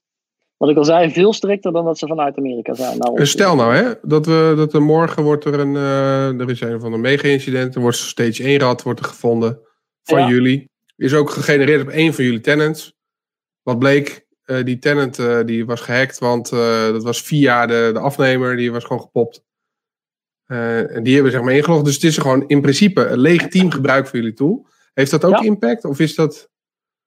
Dat heeft wel impact en dan gaat er wel een onderzoek plaatsvinden. Ook naar, Ja, die, ook naar, die, ook naar die, die partij die dat gebruikt. Ja, zeker. Ja, oké. En dan is de kans heel groot dat de licentie daarvan ingetrokken wordt. Ja, Eh, en dan is het voordeel dus dat je de generator hier niet zomaar uit kunt halen. Dus je kunt wel payloads genereren. nee. Ja, ja je, Eh, het is eigenlijk je, de access token, maar niet de reverse token. Precies, precies. Ja. Dat is een van de. Maar er zit veel meer achter hoor, qua, qua, qua access controls. Export controls, maar zeker, daar moet je wel heel erg op letten. Hey, ik neem je mee naar een van de laatste tools die, eh, die cool. ik kan laten zien. Er zit veel meer in, maar dit is echt een van de meest vette dingen in mijn ogen. Ik heb hier twee VM's draaien, hè? je zag ze net al. Ja. Dat is, Dit eh, klinkt als een goocheltruc trouwens. Ja, ja, ja. ja. Moet je goed opletten. Dit wil je goed opletten. Dit is nummer 1. Dit Ja. is VM nummer 2. Nou, VM nummer 2 en VM nummer 1, daar zit geen line of sight tussen. Dus hier, deze kunnen elkaar niet bereiken. Oké, geen Dat is een hele netwerk, belangrijke eh, om te weten. Het dingetje met deze achtergrond is een target. Dus deze is geïnfecteerd. Ja, En dit scherm is ons eigen labsysteem. oké, cool. Dus eh, dit is, eh, kan ik bereiken vanaf mijn, eh, als, als operator. Nou, ik Mhm. heb hier op dit moment heb ik dus een systeem gecompromitteerd.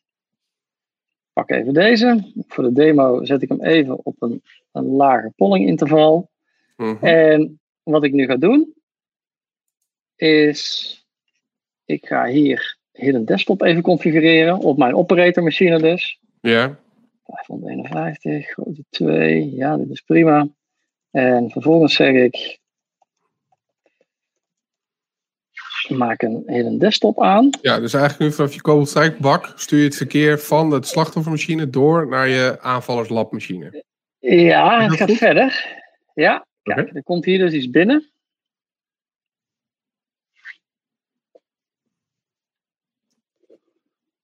Kijk, we zien hier nu de desktop van ons target. Zeker. Hetzelfde desktop, hetzelfde desktop als hier. Ja, En ik kan hier nu van alles op doen. Ik kan hier schermpjes openen. Ik kan hier vet client starten. Maar de gebruiker ziet niks. Dikkie. En andersom. Dus ik kan hier inderdaad bijvoorbeeld eh, mijn Excel weer openen. Nou, dat zit ons hier niet in de weg. Nice. Eh, dit is een feature die eh, in een aantal top-tier financial malware stukjes ook zit. Hè. Dus bijvoorbeeld als we gaan kijken naar Gozi en Ridex en Trackbot, dan zit dit erin. Ehm, Dit is iets wat wij zelf ook wilden hebben, maar je gaat natuurlijk geen echte Russische malware bij je klanten op, eh, op de omgeving draaien. Eh, dus vandaar dat we besloten hebben om dit na te bouwen. Ehm, ja, en ik hoop dat je wel aanvoelt dat dit geen spul is wat wij op onze publieke GitHub willen, willen publiceren. Kan me voorstellen. Kan je in deze eens kalk starten? En dan, Eh, in deze kan ik starten. Ja, ja, zeker. gewoon kalk. Eh, eh, pam, pam. Nou is het wel zo, Calix zou wel eens een metro-app kunnen zijn. En Oh, die willen nog ja, wel eens... eh, Maar op zich, ik wou gewoon even iets unieks hebben wat niet zo standaard draait, zeg maar. sorry, Eh, dus het mag ook wat anders zijn hoor, wat dat betreft. Ik pak even Calc. Ik of je het even draaien. Kijk, daar is Oké. de calculator. Kan je dan nu dan zien we je... dus hier bij slachtoffer zien we, ja. Ah, je je bij slachtoffer niet. Je wil de laat- testmanager wil je toe. Ja, graag. Ja, ja, zeker. Nou, als, je een, als je een process tree zou zien, dan zou je dus inderdaad ook twee keer eh Explorer.exe met, eh met child processes zien. Wel. Ja, zeker. Ja, dat, dat hou je niet tegen. Je, dat kun je Ja. oplossen met een, eh, met een rootkit, zowel userland als kernelnet natuurlijk. Ja, maar in principe gaan wij hier nu gewoon twee keer een Explorer zien. Kijk, ja, daar zet hij. precies. Ja, en kalk hangt daar gewoon onder. Als je het parent pit van je kalk pakt, dan zie je dat die er onder de ene Explorer hangt en dat de andere dingen onder een andere Explorer hangen. Ik ga in deze publieke sessie even niet te veel uitleggen hoe dat dit onder de hoed werkt. Oké, cool. Eh, maar ja, dit voelt voor mij ook zelf nog steeds als een, eh, als een goocheltruc. Echt, eh ja, ja, het is echt is, het, is het alleen, is dit beschikbaar in eh, Windows 7? Ja, vanaf Windows 2000 zit deze, Wel. eh, deze functionaliteit. Er zijn een aantal Windows API calls die je onderhuids kunt gebruiken. Ehm, Hm. Ja, wat ik zeg, het is technisch is het best wel ingewikkeld, maar het is wel, als je goed gaat kijken naar de, de financiële malware, dan, eh, dan kun je zelf ook wel reverse engineeren hoe dat het werkt. Cool. Oh, ik ben benieuwd. Ja. Ja. Mark had er al wel iets over gezegd, maar ik had het nog niet gezien. Maar het is wel tof. Het ziet er tof uit. En ook Nou wel ja, makkelijk. Want ik herken het wel met eh, dat je op een gegeven moment dus eh, vanaf de command line aan het meekijken bent en bepaalde tools gewoon niet kan gebruiken. Zeker die fat client oude meuk eh, bij, bij grote bedrijven, zeg maar. Dat is een Pak maar eens een, SA een SAP GUI bijvoorbeeld, SAP. Of Ja. pak een, een betaalapplicatie. Ja, Mhm. die krijg je niet via de command line bediend. Je krijgt ze ook niet getunneld door een SOX proxy heen of zo over je implant. Dus dit, eh, dit is wat je nodig hebt als Red Team operator. Dit, dit is ook wat wij zelf al een tijdje lang in onze interne toolkit hebben. Eh, maar wat ik al eerder zei, hè, we zien gewoon een model waarbij er echt een win-win is met andere betrouwde eh Red Teams. Ja, Namelijk, wij krijgen meer funding. En dat soort partijen krijgen meer, meer en betere tools. Ja. Echt een fractie van de devkosten die ze er anders zelf in zouden moeten stoppen. ja, want het is natuurlijk echt bakken aan, aan werk. eh. En uiteindelijk Ja. wordt jullie tooling ook weer beter, want er is gewoon meer funding. Dus er is ook meer tijd om te gaan eh, researchen. Ja, precies. Ik krijg hier een. eh, met het geluid eh, blijkbaar. Als je dat. als je, Als je een error genereert, dan hoort ineens sessie dat. Ja, dat klopt. Dat klopt. Dus je moet inderdaad geen YouTube-filmpjes gaan lopen kijken. Over, eh, ja, of per ongeluk. eh, ja, kan, je, Sowieso. kan je niet het geluid muten voor de hele PC? Vanaf dat moment? Ja, dat kan wel. Maar sowieso, hè, kijk, dit is een kanaal wat dus volledig getunneld wordt over het eh, command and control kanaal wat je hebt. Dus in dit geval over een, eh, over een HTTP-tunnel. Ja, Dus dingen als YouTube kijken en zo is echt niet smooth. toch niet. Nee, Ja, je zag het ook wel hoor, met eh, het openen van schermpjes en zo. Het is gewoon. In Precies. één keer is het schermer. En, eh, ja. Maar dat maakt niet uit hè, voor jou als operator. Al moet je een minuut wachten. Ik was al lang blij dat, ik, eh, dat, ik, dat er een, wat visueels bij kan kijken, denk ik dan. Soms is dat gewoon veel makkelijker dan dat je vanaf de command line loopt te struggelen. Of niet eens Ja, mogelijk, precies. wat je ook al. Precies. Ja, wel fucking vet, man. Ik vind het echt. het- ik had een stukje gezien van Mark en, en nu dit leeft het ook iets meer. Het is wel heel te stoer om te zien eh, waar jullie mee bezig zijn. Ehm, maar eh, daar, eh, weet, dat hebben we niet van tevoren besproken om het over te hebben, maar ik, ik vraag me wel af. Ehm, wat, je, wat ik zelf ervaar aan het verschil tussen Blue en Red, is dat je dat Red altijd heel veel heeft gedeeld qua informatie. Mhm. En bij Blue, Blue Team was het meer, nee, we gaan het niet vertellen, want dan weet niemand het. An- Want anders kunnen ze eromheen. Dat was altijd de, de, de reden om niet te delen. Eh, en, en mijn is dat ook weer eh, dat, dat eh, in sommige aspecten Blue achterliep. Of in ieder geval dat, dat het moeilijker was. Niet zozeer achterliep, maar dat mensen veel moeilijker goed konden worden. Omdat je gewoon niet kan leren van de shit die iemand anders heeft bedacht. Terwijl in, in Ja. red, aan de red kant, dan is het gewoon, ja, weet je, ik heb iets vets gebouwd. Paf, dit is het. Dat gaat nu steeds minder gebeuren. Dat gebeurt al steeds minder. Die oneindige OST-debate is, is dramatisch. Eh, overigens, goede gekozen naam van het product. eh. Mooi hè? Een Ja, beetje het humor mag je er wel inbrengen inderdaad. Ja, ja, ik zag ook eh, van het laatst weer een tweet voorbij komen. Met, was iemand die liep te klagen over de OST-debate. En toen was Mark die erover reageerde. Ja, mooi tool hè. Dus dat, dat was wel heel grappig. Maar dat betekent naar mijn inziens ook dat het daarmee dus moeilijker wordt om die informatie te gaan delen. En dat je uiteindelijk een soort gatekeeping ook weer gaat krijgen. Toch weer.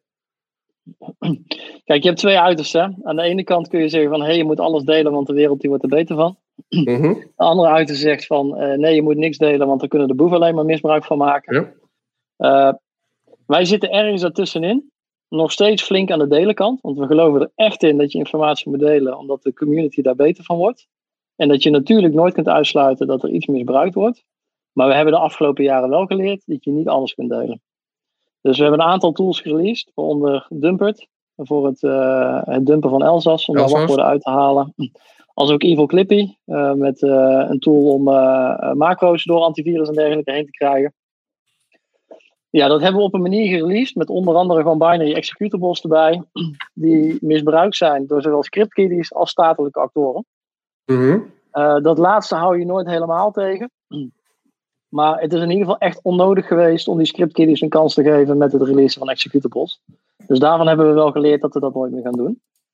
Eh, dus we releasen wel, maar geen executables voor dit soort, eh, dit soort gevaarlijke tools. En we hebben ook wel geleerd dat er sommige tools zijn die je gewoon niet moet willen releasen in het wild. Zoals bijvoorbeeld die hidden desktop die ik je net heb laten zien. Daar wordt de wereld niet beter van. Maar waarom niet? Waarom dan wel van. eh, stel even Evil Clippy, maar niet in binary? Waarom wordt de wereld daar wel beter van, maar niet van die hidden desktop? Nou, mede omdat dat een techniek was die al wat langer bekend was. Mhm. Maar waar er gewoon veel te weinig aandacht van was vanuit AV en IDR-producten. Ja, En we zien wel, en dat is echt mede door de release van Evil Clippy, is die shit nou uiteindelijk opgelost. Hetzelfde gaat over XL4 macro's, waar we ook het nodige over gepubliceerd hebben. ja, Dat zat er al, eh, al bijna twintig jaar in. Eh, altijd ellende geweest. En we zijn erover gaan publiceren. Ja, dat heeft ook wat ellende veroorzaakt. Met malware samples in het wild die dat zijn gaan misbruiken. Maar Mhm. er zijn nu wel features vanuit Microsoft om dat verder in te dammen. Dus af en toe is het wel echt nodig om even een pokje te releasen. Om de boel wel weer de goede kant op te krijgen. Oké, Maar, Maar- ook, nogmaals, hè, dat is voor ons met vallen en opstaan gegaan. Dus ook daar Ja. hebben we echt wel fouten in gemaakt waar we van geleerd hebben. Ja. Maar nu, in dit geval dan nu, want nou, eh, Gozi heeft, eh, heeft deze truc in, in de malware zitten, misschien nog andere Ja. boeren. Dus de truc bestaat, het wordt ook al gebruikt. Dus het is niet dat jullie op een dag wakker werden en dachten, dit gaan we... Hé, je hebt dat, je hebt dat eruit gepeuterd of, of geleerd in ieder geval daar. Dus dan is de vraag, hoe, in hoeveel aandacht is er dan nu voor? En zou er dan niet veel meer aandacht voor zijn als je dat nu wel release? Nou, we zien dat die aandacht er met name is vanuit de, de Black Hat community. Dus als je op een Ja. aantal onder, underground forums gaat kijken, dan zie je dat er heel veel vragen zijn voor dit soort malware. Mhm. Ehm, ja, en dat geeft ons het gevoel van, joh, dit moeten we echt niet op GitHub gaan zetten. Cool. Cool. En, en Ja. nogmaals, hè, de, de wereld is niet zwart-wit daarin. Er zit daar Nee, een, nee. een, een, een grijs Ja. gebied. En dat grijze gebied zal voor iedereen op een andere plek liggen. Ja, dat denk ik echt. Ja, ik merk voor mezelf. Kijk, jij bent opgegroeid. Dan komen we eigenlijk terug heel aan het begin van de podcast. Jij bent opgegroeid in een tijd waar je dus met heel veel andere mensen. eh, die waren dingen aan het releasen. En dan dacht jij van, oh vet, ik vind hun cool. Zij doen coole dingen. Ik wil ook releasen. En toen ben je ook dingen gaan vrijgeven. Heb je ook dingen geschreven. En uiteindelijk heb je daar ook je Ja. werk, eh, je eerste jobs mee binnengehaald. Ik, voor mij persoonlijk was het begin, was, eh, was dan googlen en op fora. En dan elke keer, ja, noob, leer programmeren. Weet je wel, van die waardeloze kut comments waar je helemaal geen, eh eh ja, kid. Weet je wel, dat je denkt, ja, hoe, hoe moet ik wel goed worden in iets? Ehm, dus ik heb zelf, ben ik, ben ik altijd heel allergisch geweest voor het achterhouden van, eh, van, van dat soort dingen. Omdat ik, omdat ik nog weet hoe het was om gewoon geen idee te hebben en ook niet een plek te weten waar je dingen kon vinden. Nou, ik denk dat tegenwoordig er is superveel informatie beschikbaar, dus je kan, eh, je kan heel veel. Maar als ik dan die OST beter hoor, dan denk ik altijd, oh ja man, eh, weet je wel. Eh, uiteindelijk krijg je dat, want jullie hebben dan een commercieel tool gebouwd. Ja, die verkoop je of je verkoopt hem niet. En dat, is, dat, dat valt helemaal buiten.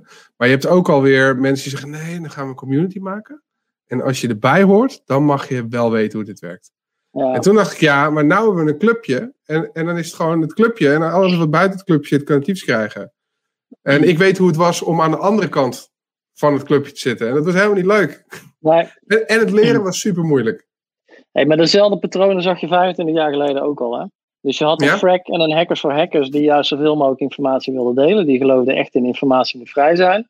Hmm. Je had een, een bug track als een mailinglist waar het gebruikelijker was om wat meer responsible disclosure te doen.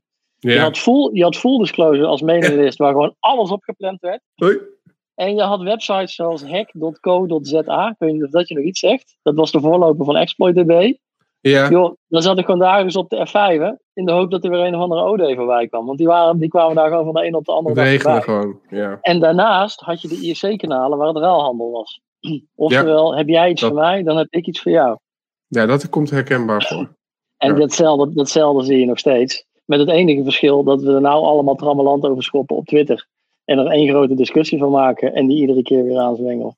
En Ja. iedereen heeft er andere ideeën over. En het is denk ik heel goed dat we het erover hebben en van elkaar proberen te leren. Ja, ik heb het idee dat die discussie op Twitter vooral zo hard mogelijk roepen wat je eigen idee is. ja dat mogelijk- en sowieso. En zo min mogelijk luisteren naar anderen. En daar krijg ik altijd jeuk van en daarom doe ik niet mee. Ja. Excuus. Ah, Ik lees wel, mee, ik lees wel mee, maar Oh, je dat wel? ja, ja, ja, ja, zeker. Oh, dat vind ik knap. Ik zou dat. Ik heb. Ja, ik, ik heb. Wat ik voor mezelf merk, is dat ik af en toe. eh, gewoon als ik iets lees wat ik niet mee eens ben, dan gaat dan goed. Dan denk ik, oh ja, en dan weer door. En dan heel soms. Dan maak ik de grove fout om toch. eh, gewoon een tweet te plaatsen of een reactie te plaatsen. Wat echt. Ja. een kut idee is. Want op dat moment denk ik dan, nee, want ik vind dit.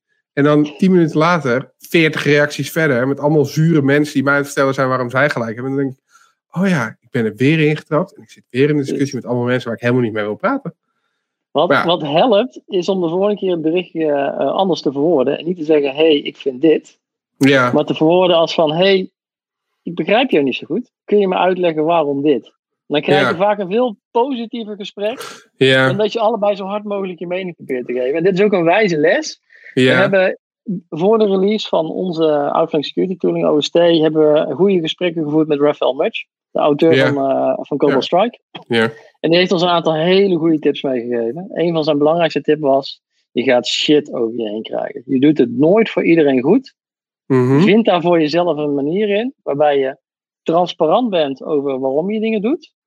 Dat je bereid bent om jezelf om te leren en af en toe toe te geven als je fouten hebt gemaakt en daar dus in iets in verandert. ja, Eh, maar strap ook niet in de valkuil om op alle shit te gaan reageren, want dan eindig je zelf in de put. Je kunt het nooit voor iedereen goed doen. Nee, nou, dat, dat sowieso. Ja, ik, ik ben even aan het kijken. Ik ben probeer ondertussen mijn laatste eh, tweet. Ah ja, hier, even kijken. Mijn laatste tweet waarop ik, waar ik gelijk spijt van had, zeg maar. Ja, Eh, even kijken.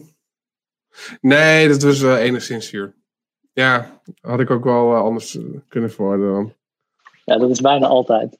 Ja, ik zit het even terug te lezen. eh, Dat, eh, en toen dacht ik, oh ja, ik heb wel weer iemand. Voor, ik nam ook gelijk iemand in de zeik. Dat schiet ik helemaal niet op. Overigens, dit ook. Erik loopt te trollen, joh. Kom. Ja, joh. Maar die, die komen ook de hele tijd. Dat gezeik komt ook de hele tijd voorbij. En dan geven ze echt als voorbeeld. Ja, ze hebben eerst mensen. Hebben ze, hebben ze voorgelogen. En daarna gaan ze zeggen: haha, wat zijn jullie dom. Oh, maar je moet ook gewoon dit doen. En dat noemen ze dan een phishing test. En daarom zijn phishing tests slecht. Ja. Ehm, dus ik heb nu ik heb Dave uitgenodigd. Voor over, want die loopt ook altijd te klagen dat phishing tests eh, evil zijn. Ja. Eh, dus toen dacht ik, joh, laten we het nou eens daar eens, eh, want over Twitter schiet het helemaal niet op, dus ik reageer ook helemaal eigenlijk nooit. Dus ik heb, me de, ik heb me er van de week aan gewaagd. Ik denk, ik ga het gewoon op een, toen heb ik het inderdaad op een vriendelijke manier gedaan. En toen dacht ik, nou, het lijkt me wel leuk om dan een keer gewoon een goed gesprek daarover te hebben. Want Ja, ik ben namelijk van mening dat een phishing test niet per definitie slecht is, maar dat de voorbeelden die gegeven worden slechte phishing tests zijn. Exact. En als je dus eerst luistert naar iemand en zijn argumenten hoort, dan kun je later veel beter in de eigen taal van die persoon uitleggen. Waarom die geen wat hij een phishing test noemt, eigenlijk helemaal geen phishing test is. En dan kun je een gesprek aangaan in plaats van keihard roepen. Ja, ja, nooit, nooit eruit komen. Want de een is heel anders denkt bij een phishing test dan de ander. Ja, en, en ook, maar moet ik ook wel zeggen dat als aanvaller je heel vaak, zeker toen ik in het begin van mijn carrière zat, dat ik heel regelmatig onvoldoende oog had voor de eventuele emotionele eh, gevolgen van, haha, je bent erin getrapt. Ja. Ehm, wat sowieso, ik bedoel, toen ik helemaal in het begin zat, dacht ik gewoon, oké, moet ik phishing test doen? Ja, is goed. En dan, weet je wel, zo, en dan gewoon kaart alles ownen en dan zeggen, het is iedereen dom. Ehm, maar ik denk dat we als hele industrie gewoon verder zijn dan, eh, dan dat. Of tenminste, ik denk in ieder geval dat er bedrijven zijn die betere verhalen kunnen bieden dan eh, een soort van victim blaming. Ja, al is de hele industrie van phishing testen wel nog de verkeerde testen aan het uitvoeren. Haha, je hebt Ja. op een link geklikt. Ja. Wat boeit het nou dat Wat? je klikt op een link, man? Dat is de verantwoordelijkheid van IT om die shit te regelen. Nou, dat wou ik zeggen. Wat vind jij dan van die eh, phishing tests waar dan gewoon een mailtje wordt gestuurd en dan vervolgens klik je op een linkje en dan krijg je ook directe feedback? Want dan heb je meteen door dat je het niet goed deed. Nou ja, laat, laat ik het anders zeggen. Eh, als wij na onze testen, waar vaak al een stukje phishing in voorkomt, maar niet op grote schaal, als Ja, we dan meer gesprekken hebben met, met, met, management, dan probeer ik heel vaak uit te leggen dat het probleem niet was dat die ene persoon geklikt heeft. Dat het probleem is dat na die ene klik de hele enterprise omviel. Omdat Ja. je vanuit daar heel makkelijk kon priversken naar die kroonjuwelen kon komen en alle ellende kon, kon doen. Ja, want Dus, je kan toch niet voorkomen dat die ene gebruiker klikt. Man, wij hebben ooit een, eh een phishing test gedaan voor een retailer. Eh, opdracht kwam van de CISO, maar we hebben de Ja. opdracht uitgevoerd met zijn rechterhand, want die man die was te druk.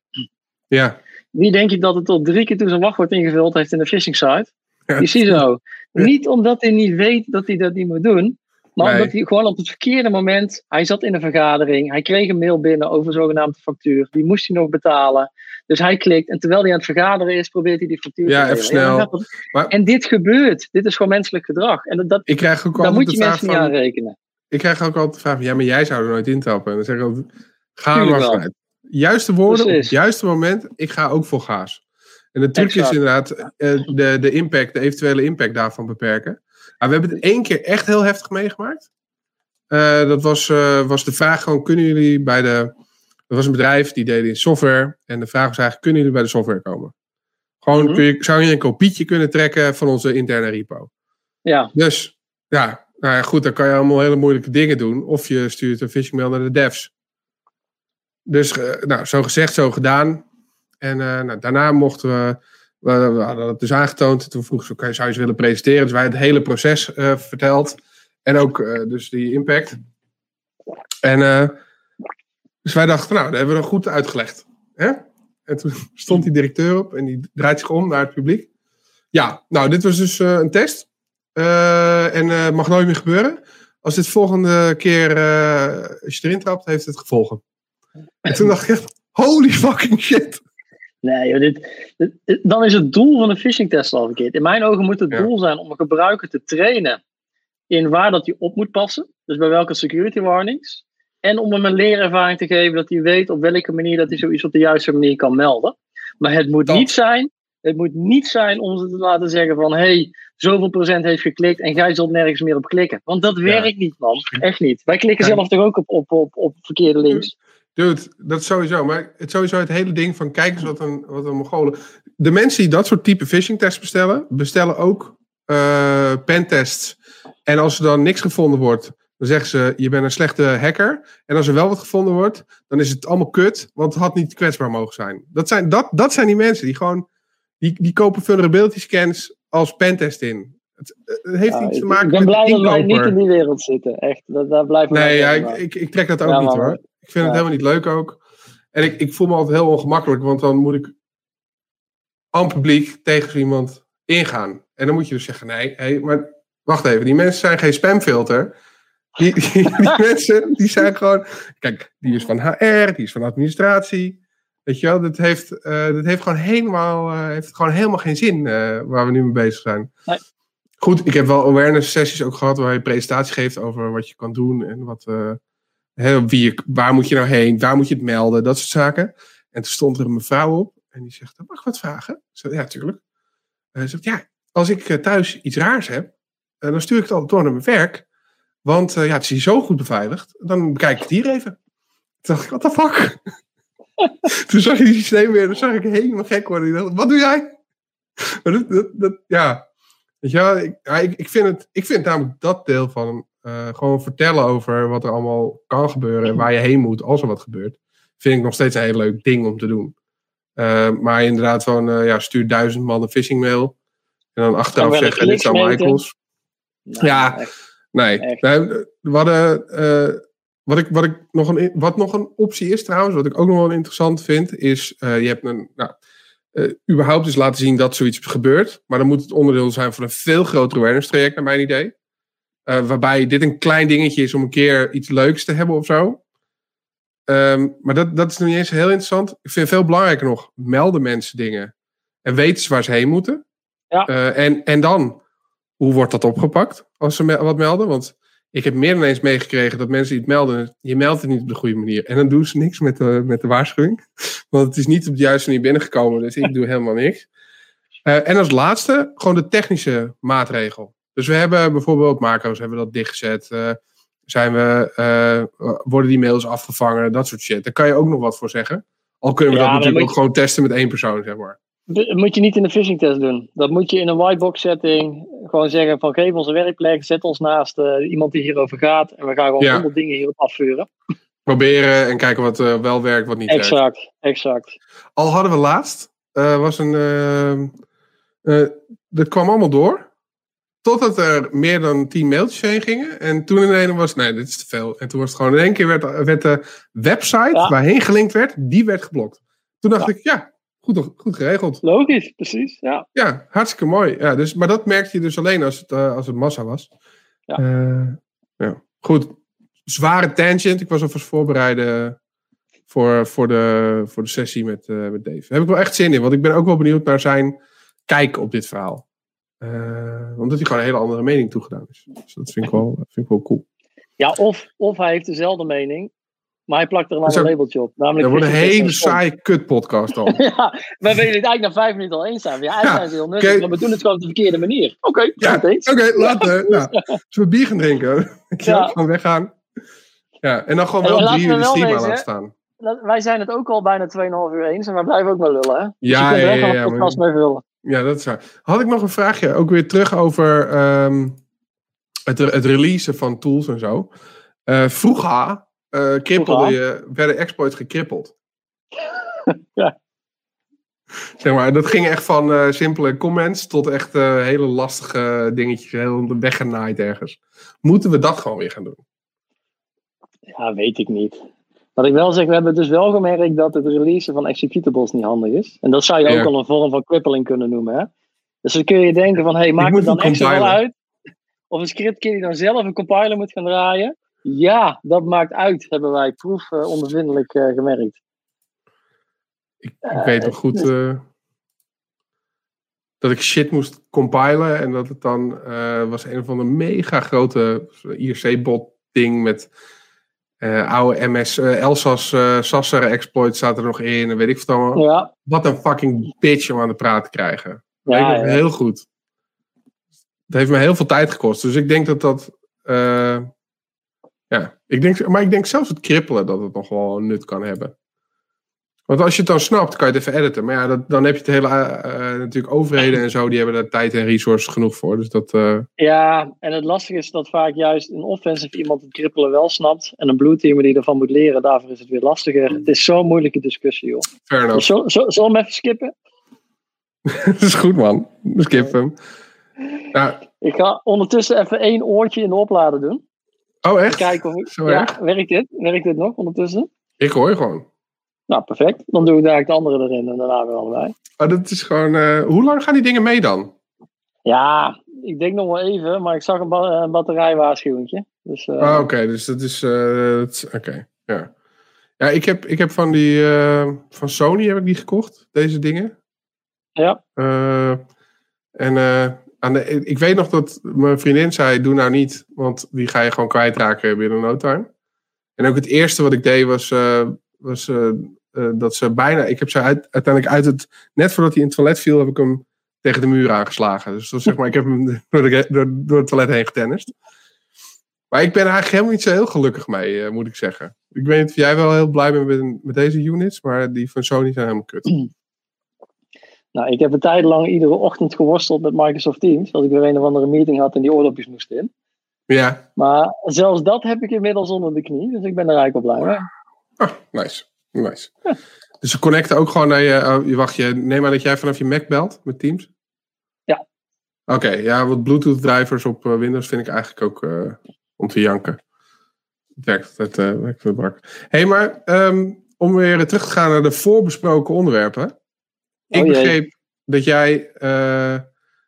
ik begreep dat ik moest vragen naar de vakantiefoto's. Ja, maar dat zijn niet mijn vakantiefoto's. Dat zijn de vakantiefoto's van mijn vriendin geweest. Vertel. Ja, die vraag die kwam van Mark Smeet, geloof ik. Hè? Op LinkedIn heb ik een voorbij zien komen. Op, uh, op Twitter. Ja. Twitter. Ja. Op Twitter kwam die voorbij, oké. Okay. Ja. Nou, we gaan ergens naar 2015, 2016. Ja. Toen kwam er een threat intelligence uh, uh, rapportje vanuit Dell SecureWorks ja. over Skeleton Key. Ik weet niet of dat ja. stukje nou je nog iets zegt. Ja, ik moet zeggen dat, dat ik een... niet meer weet wat het, wat het deed of wat het was, maar ik, de, de, naam zegt me wel wat. Dat was een hoek op Elzas van domain controllers. Ja. Waarmee je dus vervolgens uh, de functie hoekt die hashwaardes vergelijkt. Dus bij een authenticatie wordt het wachtwoord uh, naar NTLMS gedaan. Die worden vergeleken en op het moment dat het oké okay is, dan is de authenticatie oké. Okay. Die ja. functie werd gehoekt om eigenlijk ja. een soort van magische sleutel erin te stoppen zodat je met een willekeurig wachtwoord altijd true gaf op die functie. En dat betekende ja. dus praktisch dat je tegen een domeincontroller kon authenticeren voor alle users met de magische sleutel. Dat Was is dit het, uh, door, uh, is dit door uh, Gentle Kiwi ontwikkeld? Nee, ja, dit is later inderdaad ook gepoord naar, naar Mimikatz. Okay. Dat klopt. Maar de originele ontwikkeling, volgens mij, was het een van de, van de Chinese APT's. Okay. Die dit heeft, heeft ontwikkeld. Het principe is niet zo heel moeilijk. Het is super vet, maar als je het eenmaal hoort, dan is het echt een kwestie van ja, als je een beetje weet waar je moet zoeken, dan kun je het zo zelf nabouwen. Ja. Uh, dus ik dacht, ik ga het even nabouwen. En we deden dan wel eens van die pizza-sessies, waarbij we samen zaten. En ik zei, nou, vanavond ga ik dit doen. En onder andere Mark, die zat er dus bij. Ja. Uh, dus ik had mijn computer meegenomen. Uh, waarop onder andere alle vakantiefoto's van mijn vriendin stonden. Ja. Uh, en dus ik, ik nam mijn, mijn kernel debugger aan. En ach shit, ik moest dus even testsigning en zo moest ik, moest ik aanzetten. Om, uh, om bij die kernel te kunnen komen, mijn eigen drivertjes in te kunnen laden en uh, dat soort zaken. Dus ik uh, knal die spullenbol aan. Ik herstart mijn machine. En ja, BCD edit test signing on, oftewel die functionaliteit aanzetten, die triggert Mhm. BitLocker. dus ik krijg een BitLocker prompt. Ja, en dat was mijn dev systeem. Waar toevallig vakantiefoto's op stonden van mijn vriendin die ik daar neergezet had, maar waar ik nog geen backup van gemaakt had. Maar ik had van mijn dev systeem echt joh, dat kon ik zo herstellen. Een beetje een Visual Studio en dat soort zaken. Dus daar Ja, had ik boeien. echt geen bitlocker sleutel van. Ja joh, ik heb al mijn, al mijn USB-stickjes, alle plekken waar die, die, die, die code kon staan, die heb ik gehad. Maar die vakantiefoto's zijn nooit teruggekomen. En dat is wel even een ruzietje thuis geweest. Ja, toch wel? Ja, toch wel, ja. Oh. Hey, want je kon, je kon toch ook gewoon met je creds nog inloggen op, eh, op, op eh, BitLocker? Op BitLocker kan je die crypten met, of met je creds of met je recovery key. Ja, uh, in dit geval was het dus alleen maar recovery. Ik heb er waarschijnlijk inderdaad ooit een pincode opgezet. Ja, Die wist ik ook niet. Dat is gewoon een willekeurige pincode geweest. kut. Plus recovery key. Ja, eh, sorry man. Ja, ach. Weet je, Ja. je kan er niks meer aan doen natuurlijk. Dat klopt. En het, het stond ook, eh, ja, ja, dat was echt verschrikkelijk. maar goed, daar, daarvan leren ze inderdaad. Als je even snel iets denkt in de Windows kernel te kunnen doen, pas op. Maar dat is ook niet leuk. Hoe, hoe, wa- want, hoe heb je dat gedaan? Ben je gewoon, had je er een, berichtje gestuurd of ben je naar huis? Toen je thuis kwam, zei eh, ik moet het zeggen. Dat laatste. Dat laatste. laatste. Zag ze de Anders hangen? de, anders, anders was de deur op slot geweest hoor. Ik er niet binnengekomen. maar zag ze de bijl hangen of niet? Nee, Nee. Nee. Oh, leuk. Nee. Dat is extra. Ja, nou, dus die was heel gelukkig met jou. precies. Maar we zijn nog steeds, eh, we zijn nog steeds bij elkaar. We zijn nu dus vijf, zes, zes jaar verder of zo geloof ik. Dus allemaal oké. Ja, ze begint er ook Maar- niet meer over. Maar backuppen van foto's is sindsdien wel een ding bij ons thuis. Oké. Waar doe je, heb je gewoon een clouddienst waar je dat doet? Of heb je echt eh, nasjes en dingetjes allemaal om te clearen? Oh, je bent ook gemute inderdaad. Alles is weg. Ja, ik snap hem. Ik ben benieuwd of zoiets snel oplaadt of niet. Of dat hij nou heel lang erover doet eh, voordat dat weer opgeladen is. Kijk, en dan ben je Dus weer. Daar ben ik weer. Ja, hij is weer meer dan de helft vol in die korte tijd. Dat is helemaal oké. Nou, dat is dan toch Ja, op zich eh, het is wel rapid. Ja, Maar eh, dan heb je denk ik mijn vraag gemist. Maar heb je inmiddels, eh, werk je met een clouddienst om het allemaal heen te backuppen? Of heb je echt eh, met nasjes en gekloot en zo?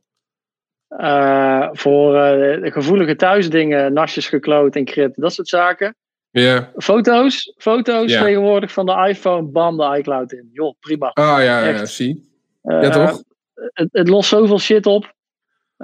Goede twee vader op. Ehm, en ja, natuurlijk leveren er wat risico's aan. Maar voor die foto's, die een beetje privéfoto's die ik maak, joh, dat is het me wel waard om geen ruzie meer te hoeven hebben met mijn vriendin. Wou ik zeggen, nou ja, ik vind gebruiksgemak in dat, in dat soort gevallen wegen echt wel tegenop hoor. Yep. Ehm, en ook, weet je wel, dan heb je zo'n zo'n nas heb je in, je in je meterkast staan. Dat ding is lekker aan het, het verstoffen de hele dag. Tegen de tijd dat je weer een keer naar kijkt, kan je er een halve kat uithalen als je die, eh, als je, mocht je die hebben. Weet je Ja. wel, het is echt, het is echt bizar hoeveel troep daarin terechtkomt. En als je het nodig hebt, dan is de kans dat het met de kloot is zo, zo groot. Dat ik, ik Yep. ben er zelf eh, ik ben er echt geen fan van. Goed, ik heb eh, gelukkig zelf eh, weinig, moet ik afkloppen, weinig backup problemen tot nu toe gehad. Maar ik heb het wel meegemaakt met mensen die dan PhD aan het doen waren. En dan alles stond op externe schijven. Want ze hadden geleerd, je zorgt dat je externe schijven backups maakt. En dat zijn dan van die USB-sticks of van die cheap eh, disk enclosures. Ja, En hoe vaak ik wel niet hele verdrietige mensen heb gehad die vroegen, kan je dit alsjeblieft nog proberen terug te halen? En dat het gewoon, yep. ja, soms kon je er wat terughalen. En meestal is het onbegonnen werk. Dus alles aan de kloten. En dat is dan drie jaar werk of zo. Hè, wat je... eh, ja, dat is Dat verschrikkelijk. verschrikkelijk. Echt verschrikkelijk. Ja, Maar goed, dat was eh, dus het avontuur van de, van de foto's. Nice. Waar ik het over had. Ja, nou dan wou ik ook nog even hebben over jouw carrière als, als eh, DJ in Lunenburg. Dan neem ik eerst even een goede slok. dat wou ik zeggen. Eigenlijk hoort hier gewoon bier bij. Joh, dit is... Ik heb het gisteren dus ook op de Instagram gezeten. Toen we dit voorbespraken. Heb ik gewoon op, op, eh, op de Instagram van de, van de discotheek ook een tijdje mee zitten kijken. het, is, het is echt... Het is ook echt... Weet je wel... Vlugel... eh, weet je mensen die... een- Weet je, vanavond eh, is... eh uh, Snollebollekes er, weet je. Helemaal lijf. Ik vind het echt wel tof. Mooi hè? Nou ja, als je een beetje gezond wil blijven in dit vakgebied, wat natuurlijk echt, je kunt jezelf er volledig in verliezen en al je tijd eraan besteden, dan Mhm. moet je er iets naast hebben wat compleet anders is. Nou, voor jou is het koken, is het klimmen, dat soort zaken. Yes. Eh, ik ben vanaf mijn achttiende ben ik eh, plaatjes gaan draaien. Eh, in het begin ouderwets vinyl. Dat heb ik heel lang volgehouden tot het voor mij op een gegeven moment ook eh, de, de, de USB-stickjes en de, de Pioneer-apparatuur toch wel de, de standaard werd. Vaak stond er Ja. niet eens meer een draaitafel. Maar goed, draaien, dat was eh, voor mij eh, ja, fantastisch. Eh, eerst gewoon op mijn zolderkamertje Ja. twee Technics, dus de, de, de draaitafels, mixertje ertussen. Ja. En alles wat elektronisch was, kocht ik. Van, van commerciële house tot aan hele vage Australische breakcore en dat soort dingen. Eh, een hele brede, sma een hele brede smaak als het maar elektronisch was. Ja. Ja, en op een gegeven moment kwam de kans voorbij om bij een discotheek bij mij in de buurt.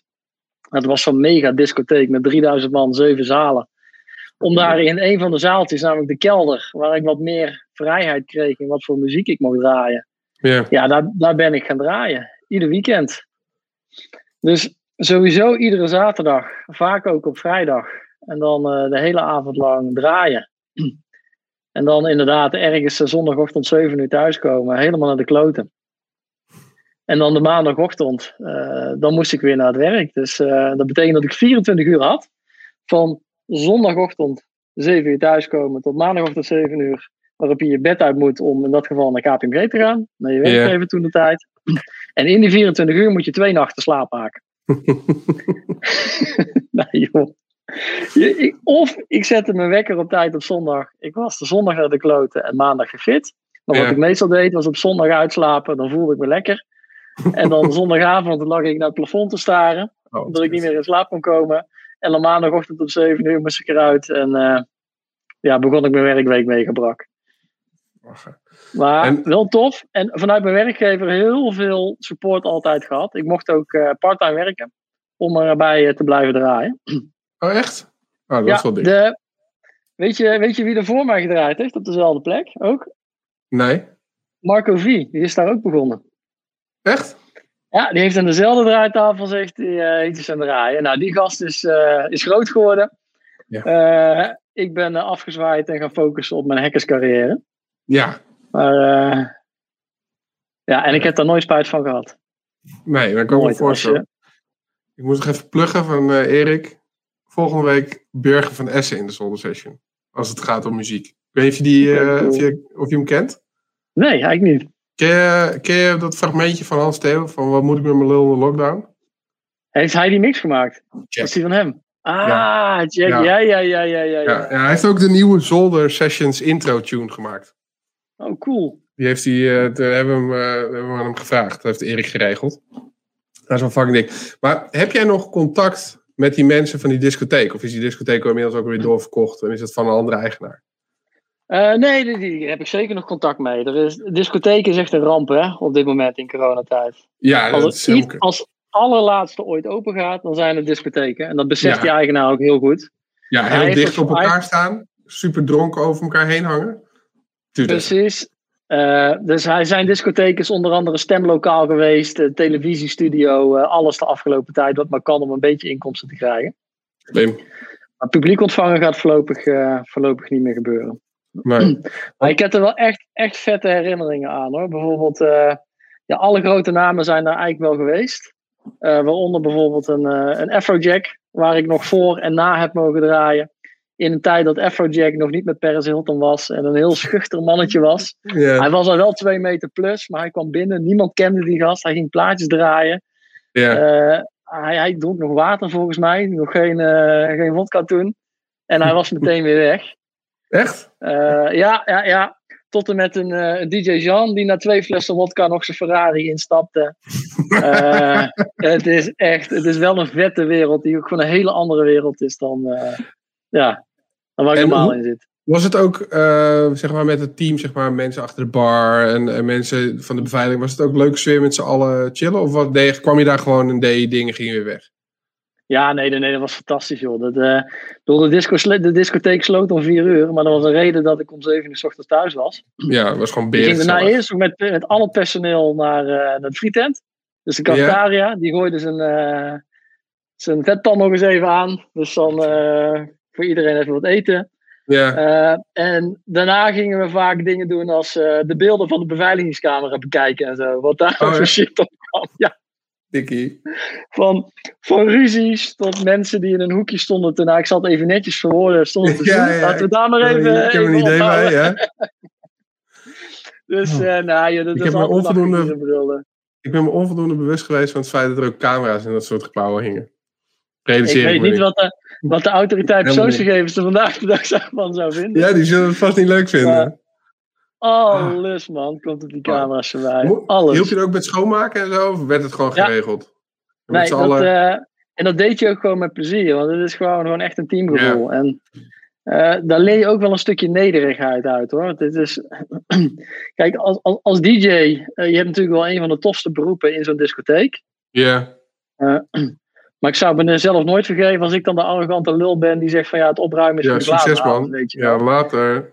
Ja, Nee, dat is echt. Ja. En het mooie is dat als je dan dus inderdaad gewoon dat doet, je merkt ook dat iedereen heeft zijn eigen verhaal.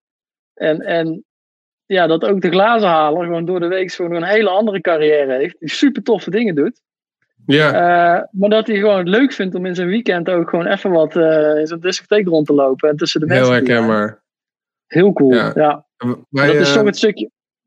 ja? Dat is toch een stukje sociale interactie. Want in het hackerswereldje via Twitter en IRC en dat soort zaken is toch anders, man. Ja, ik vind eh, eh, dat komt wat dichterbij. Bijvoorbeeld hackersboot of zo. Eh, Ja. Dan, eh, want dan, dan voelt het ook wel een beetje zo met heel veel mensen. Heel, eh, weet je wel, bier drinken, slap hoeren. Dat, dat is echt super waardevol. Maar dat, dat is eigenlijk heel zeldzaam. Eh, Ja, met, eh, zeker. als je in een horeca, dan is het eigenlijk elk weekend is bingo. Zeg maar eigenlijk elke keer als je gaat werken is bingo. Ja. Dat was ook, dat zat er ook nadelen aan, moet ik zeggen. Maar wat wij deden was, ehm, als we dan eh, de laatste gasten het restaurant uit waren. We gingen daarvoor, waren we al bezig met schoon. Ik werkte in de keuken, dus dan ben je al, voordat mensen weg zijn, ben je natuurlijk al aan het schoonmaken. Als ze dan pleiten waren, dan, ik weet niet of je Caspar en Roesco nog, nog kent. Drum en bass, Ja. of dubstep eigenlijk, hè. En dan Fabric Live, eh, dat is echt een epische mix. Die zetten een keihard op en dan, eh, dan schoonmaken met z'n allen. En daarna bier drinken. Of tenminste één biertje. En daarna ga ik echt naar huis. En dan vervolgens Ja, eh, ja, ja, zes uur 's ochtends thuiskomen. En ja, ik, ik, heb, man. Ik, eh, dat, dat is een van de dingen die ik nog wel mis. Ik weet, mis jij het nog? Of heb je zoiets van, fuck it, is geweest, klaar? Nou, wat ik meer. Wat, ja, natuurlijk, soms denk ik wel eens van yo. Dus ik doe vaak nog één keer per jaar een reunieavondje draaien of zo. Oh, echt? Oh. Dikkie. Maar wat ik wel echt mis, is ook dit sociale ding bij, eh, bij conferenties. Ehm Ja? Troepers doet dat heel goed. Nou, eh, Olaf zit ook nog volgens mij in de chat. Eh, de, laatste, de laatste troepers die is doorgegaan, hebben we echt nog met de gasten van ENW en dus Olaf erbij en de gasten van Spectrops die er waren. En Ja. we keihard staan blaren in de, in de karaoke. Olaf heeft er beeldmateriaal van, maar hij heeft beloofd dat het nooit op internet komt. Dus. Olaf, daar hou ik je aan. Dit is je kans. Maar gewoon, gewoon dat gevoel, ja, dat mis ik echt bij al die virtuele conferenties en zo. Daar heb ik echt niks mee. Ja, ik trek, er helemaal, ik trek het niet. Ik, eh, Nee. want ik, ga, in- ik, ik weet, ja, persoonlijk ga ik vaak naar zo'n conferentie om nieuwe mensen te ontmoeten. En daarmee te praten. In een groepje of één op één. Ehm, want die presentatie En kun je bier later drinken. terugkijken. Ja, Ja, kijk, drinken. ja. Eh, dus ik vind dat het, het allerleukste. Ehm, en dat nu dat helemaal niet is, merk ik ook dat ik eigenlijk niet meer echt heel actief daarnaar kijk. Het, ja, weet je wel, we hebben, wij hebben ook, we mochten dan vorig jaar Defcon uh, presenteren. Mocht je voor de eerst, mochten we op Defcon wat vertellen. Live goal. Fucking livestream. Ja, en hij was pre-recorded ook nog, toch? Of niet? Pre-recorded. En daarna in een Discord-channel moest je, moest je gaan praten met mensen. En het, weet je wel, het, het is echt. Het, was, het is echt vanaf dat ik weet niet hoe oud ben, is het echt een live call. En dan lukt het, en dan lukt het op zo'n moment. Dan denk je echt, ja. fuck. Maar ja, goed. Uh, maar nu doe ik helemaal niet. Uh, ik, ik, ik, kijk ook niet meer naar de. Uh, weet je, ik zag net toevallig in mijn mail dat de Call for Papers. voor Black and Europe, die is net. Ja, kwam met binnen. Toen dacht ik, oh ja, ja, nou leuk. Laat iemand anders dat maar doen. Nee, ik heb ook nog wat materiaal liggen. Ik was al geaccepteerd voor vorig jaar Troopers. Oh. Uh, over een praatje over smartcard aanvallen. De smartcards en. Active Directory. Mm -hmm. maar goed, die is dus niet doorgegaan. Maar dan heb ik gewoon letterlijk nog een presentatie voor op de plank liggen dus. Oh, kijk. En ook nog wat leuke research. Er komen we weer MS Office. Oh. Over het, uh, omzeilen, over het omzeilen van microsigning. Oh, nice. Als je, ja, als je daarop in gaat duiken, joh, hoe dat die implementatie zit, dat is me toch een partij bagger. en dat komt uh, als je gaat kijken, de macro's zijn dus opgeslagen in een Word-document. Ja. Uh, maar in een Word-document zit van alles. Dus je kunt niet het hele document signen. Dat betekent namelijk dat als het document gewijzigd zou worden, dat de signature ja. op het documentstuk gaat en daarmee dus de macro-signature ja. op het stuk zou gaan. Dus dat is geen optie. Dus op die, maar is namelijk, die andere stream of zo? Dus je moet een andere stream hebben. Maar als je dan dus gaat kijken naar welke, hoe dat de macro-streams gebouwd zijn, ja. Um, dan zitten daar dus delen in die niet over code gaan. Bijvoorbeeld de ja. GUI-layout van de VBA-editor, die wordt ook opgeslagen in diezelfde stream als waar de macro-informatie in zit. Dus het mag niet zo zijn dat als je een keer de editor ingaat, om te kijken hoe die macro eruit ziet en je versleet een schermpje daarin. Ja, dat alles naar de klote gaat. Dat ook die signature naar de klote gaat. Dus je kunt ook de macro-stream niet signen. Dus wat eh, Microsoft gedaan heeft, is dat ze bepaalde delen van de streams zijn gaan signen. Ja. En daar ook nog eens een keer ja, de output uithalen met een soort van uh, legacy formaat om ook nog eens een keer allerlei toetsenbordindelingen en zo. En, uh, en newline characters die kunnen wisselen om die er ook nog eens een keer allemaal uit te halen. Ja. Dus, nou, de input naar het hashing algoritme is al een ramp. Dus daar kun je allerlei dingen in doen. Het hashing algoritme is in de meeste instanties van Office nog steeds MD5. Dus okay. je kunt wel dingen met, uh, met hash collisions en dergelijke. Maar nog veel belangrijker, er worden allerlei onderdelen van de macro-stream die je wel kunt gebruiken voor code execution, worden niet meegenomen als input voor de code signing. Oké. Okay. Okay.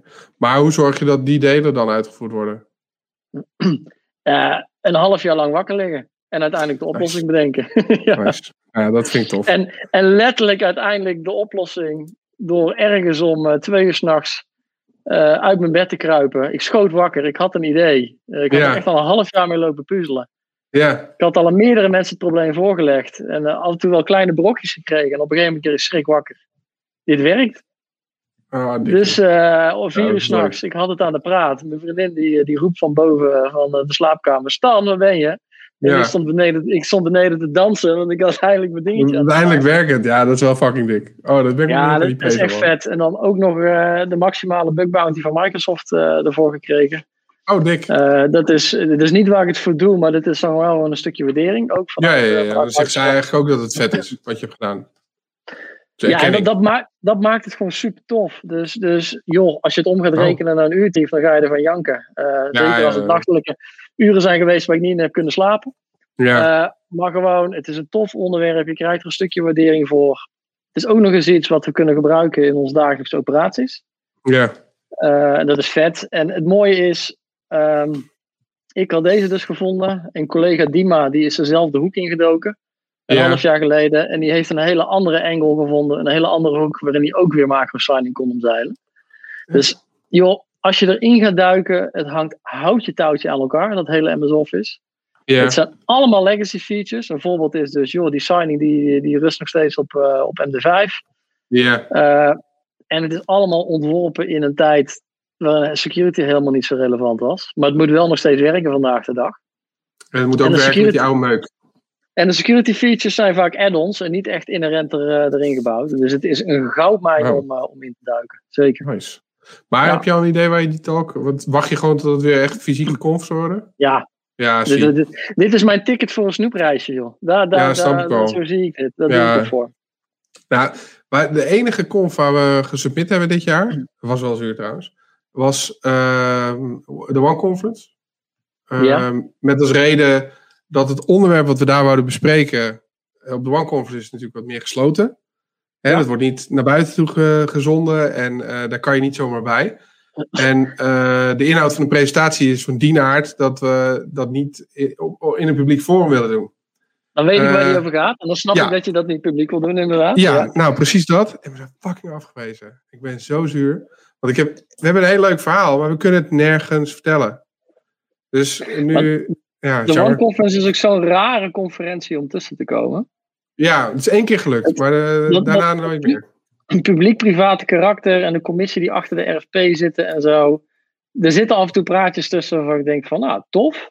Maar ik Mhm. hoor ook heel vaak dingen die zijn afgewezen. En dan denk ik echt, hoe dan? Waarom ben jij er nooit, eh, er nooit tussen gekomen? Ja, het is, het is lastig. eh, lastig. Ja. Ja. Nee, d- dus, maar goed, we gaan iets, ik ga iets verzinnen. Want dit het zou zonde zijn om dit niet ergens te vertellen. Eh, maar dat moet even. Maar ik ben heel benieuwd naar die eh, talk over die signing. Dat lijkt me, dat lijkt me fucking dikkie. Dat lijkt me nog wel tof. Dus dat, eh, dat is cool. Ehm, Oh, een vraagje. Gewoon, het is ook weer niet. heb je, ben je ooit in die collaboration gedoken van de moderne Office? Dus de. Ja, wat, wat bedoel je met Office Online en dergelijke, bedoel je? Nou, nee, het is gewoon bijvoorbeeld, ik heb Word. Eh, wij hebben Ja. samen een Word-document en samen zitten we in hetzelfde Word-document te clearen en zo. Ja. Heb je daar eens naar dus gekeken? hetzelfde- met Office Online, hè? waar je dus documenten Oh. kunt downloaden, kunt editen en het vervolgens weer, eh, weer online kunt plaatsen. Ja. Ehm, ik heb daar wel eens kort naar gekeken, maar ik moet zeggen dat de meeste van mijn research zich toch op de legacy features richt. Oké, cool. Maar Cool. waarom stel je de vraag? Nee, dan wil ik je zo wat laten zien. Nou, kom maar op. Nee, niet nu, dat gaan we zo Oh. Dat, dat moet nog een bochtje worden. Ik heb ook Maar- net een vette demo gegeven. Dus, Ja, eh, dat is waar. Dat is waar. Nou, waar, ik, waar ik mee bezig ben, is eigenlijk om. eh, en dat heb, heb ik al, dat project, dat had ik echt in.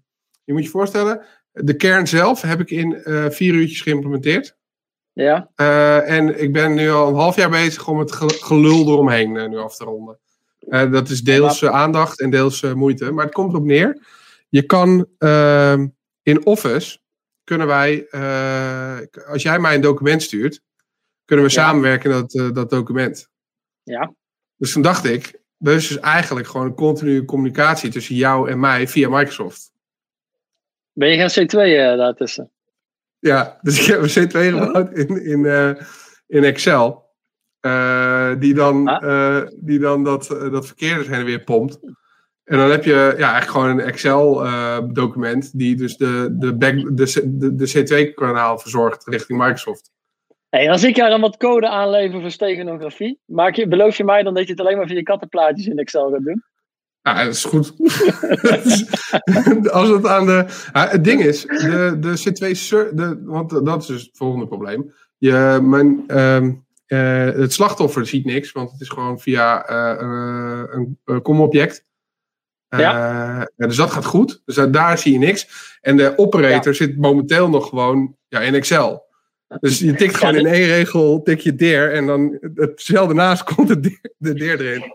Dus je gebruikt inderdaad gewoon excel.application. Ja. En dan, eh, ja, verder. Ja, alleen, je, van, van com naar decom is de stap echt super klein, hè? ja, Dus je kunt hem dan nu zelf zo maken Ja. dat je de werkplek, eh, daar draait een, eh, eh, daar draait de Excel.application. ja. En de, en de implant die draait op een remote server die geen internetconnectiviteit heeft. Dus dan zou je zelfs kunnen maken dat die server die praat met Decom met die Excel.application instance op de gehackte machine. En Ja. jij kunt hem remote vanaf jouw Excelletje kun jij hem, eh, Oh, kun jij hem man. bedienen. Oh, dat is wel dik. Ja, nou, het stom is, weet je waar ik nu op, nog op ben blijven haken? Echt, het is heel Nou? dom. Nou, ik dacht, oké, als aanvaller heb ik gewoon een eh, SharePoint en ik deel een bestand vanuit die SharePoint eh, met jou. En dan open ik op jouw bak dat, dat Excel-document via, uh, via PowerShell, via, die, via com. Ja. En dan werkt dat. Nee, Ja. ik heb nodig vanaf jouw tenant een bestand dat naar mij gedeeld wordt. Dus toen dacht ik, oké, moet ook vanuit com kunnen. Fuck jou, kan niet vanuit com. Want die com ondersteunt alleen de oude shit. Oké, oké, cool. Dus waar ik nu mee bezig ben is met, ehm, ik eh, genereer nu een primary refresh token. Ja. Eh, daarmee eh, moet ik me authenticeren richting SharePoint. En Ja. een nieuw document aanmaken. En dat nieuwe document delen met de aanvaller. Ja, precies. Nou, en dan, dan gaat het werken. Maar dat deel, wat een fucking gezeik. Want er is geen Weet je toevallig of het delen ook kan via macro's? Want eh, je kunt ook macro's starten eh, door middel van COM-object. Dus dan zou je het via die route nog op kunnen lossen. Ik had veel eerder met iemand hierover moeten praten. En dat, dat, dat is- dat, ik heb dat ook zo vaak hoor. Dan zit je zo in je eigen bubbel met ideeën. Ja, En dan hoor je een andere invalshoek. En denk je van, hé, hey, het zou ja misschien dat is ook misschien ook best een idee. Ja, want ik zit dus nu... Ja. Eh, eigenlijk ben ik het werk van eh Dirk Jan. Ja, eh, op, op gebied van primary refresh van, van token. PT, ja. Ja, en AD internals. Ben ik weer mijn eigen implementatie daarvan aan het bouwen in PowerShell.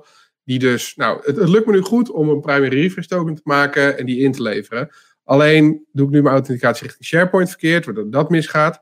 SharePoint API is om te janken, zo slecht. Ja, Ja. Ik wil helemaal niet tegen SharePoint praten en toch zit ik het te doen, zeg maar. Ehm, ja, en dan merk ik, en, dan, en, te weinig tijd, dat merk ik ook wel. Zo'n heftige... Maar dit is wel een goed idee, man. Misschien kan ik wel vanuit die macro het delen. Want dat- ja, ik weet het niet. Ik weet niet of het kan hoor. Ik bedoel, kijk, Nee, kom, de, de kom-methodes die worden aangeboden in, in Office, die zijn al zo oud als iets. Dus daar zit al dit soort nieuwe shit niet in. nee. Macro's soms nog wel eens, maar als ik heel eerlijk ben, het meeste wat kan in macro's richting eh, Excel en Word gaat ook weer via com. Onderhuids. Oh, Eh, dus het zou zomaar kunnen zijn dat je ook daar vastloopt. Maar het is wel eens een route om te bekijken.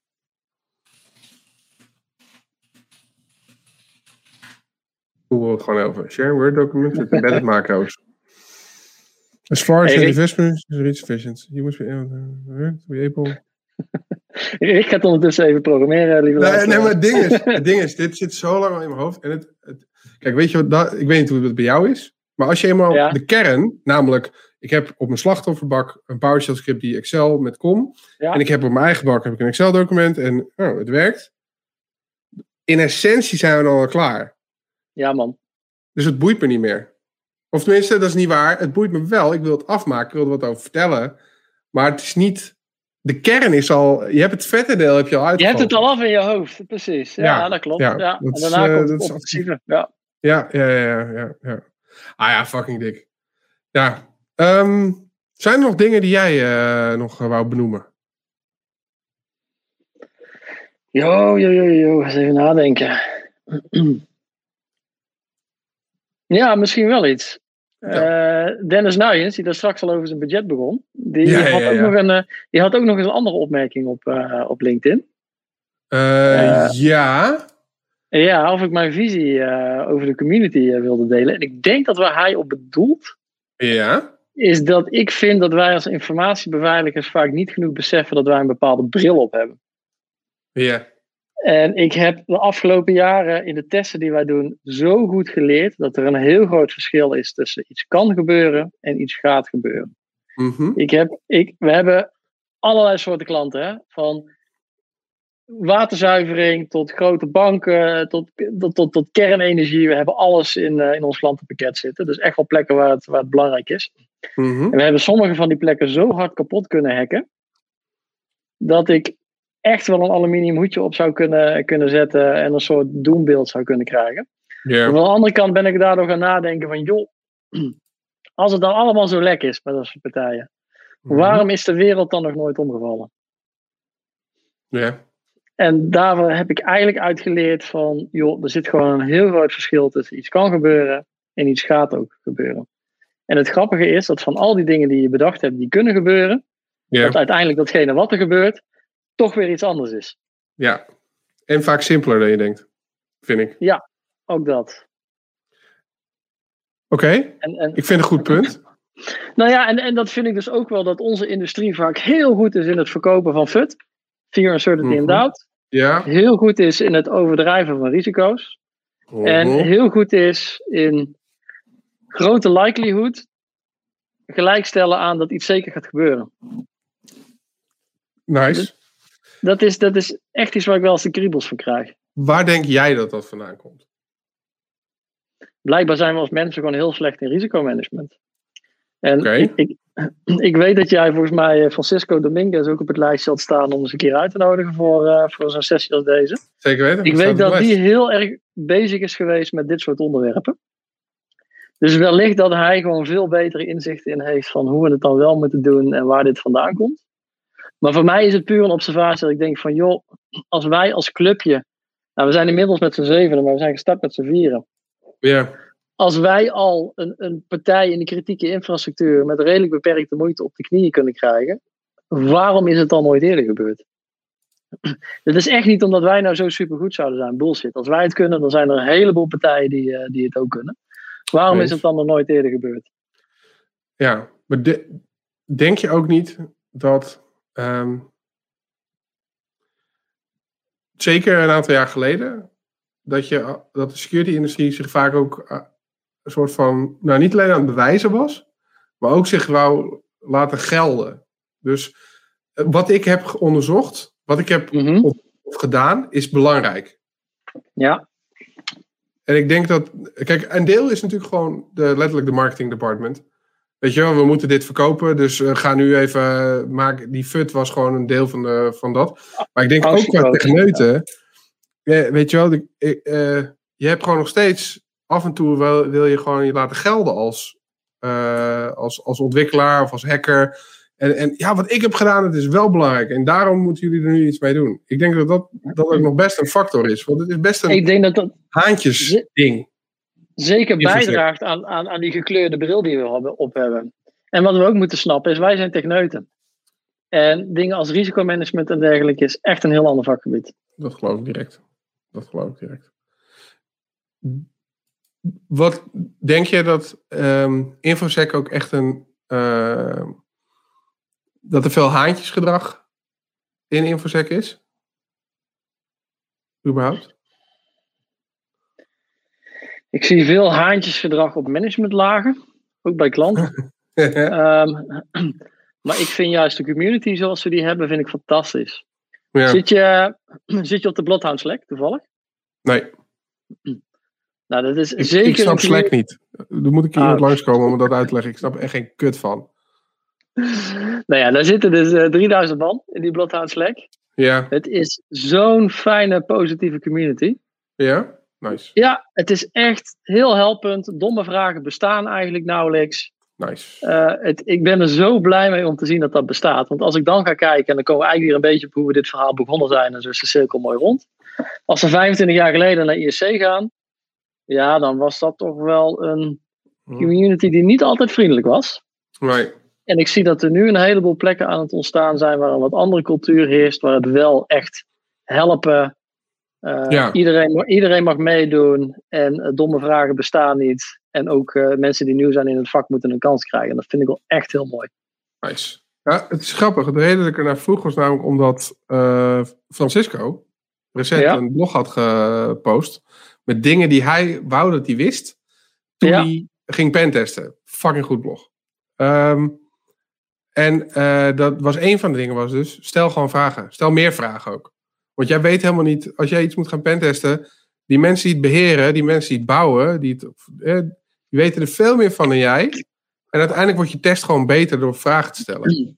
Zeker. En uh, ik denk dat in InfoSec zelf, hè, de, de, de, de, zeg maar, de, als je bij elkaar komt op een conferentie of uh, op, op de hackersboot of, of uh, op Twitter heb je ook nog wel hele positieve, kan je hele positieve sfeer hebben. Um, ja. Dan gaat het goed, maar wat ik merk als het gaat om IT, security, vanuit meer een security office-achtige hoek. Dus wat meer de corporate kant ervan. Mm -hmm. Toen ik begon, en dat heb ik ook gereageerd op die, dat bericht van uh, Dominguez. Je wordt zo in een hoek geplaatst van jij, jij moet nu alles weten, want jij bent de hacker. Dat het voor als, toen ik jong was, vond ik het echt lastig om te zeggen, hoe werkt dit dan? Weet Ja. je? Oh, daar heb ik nog nooit van gehoord. Leg uit.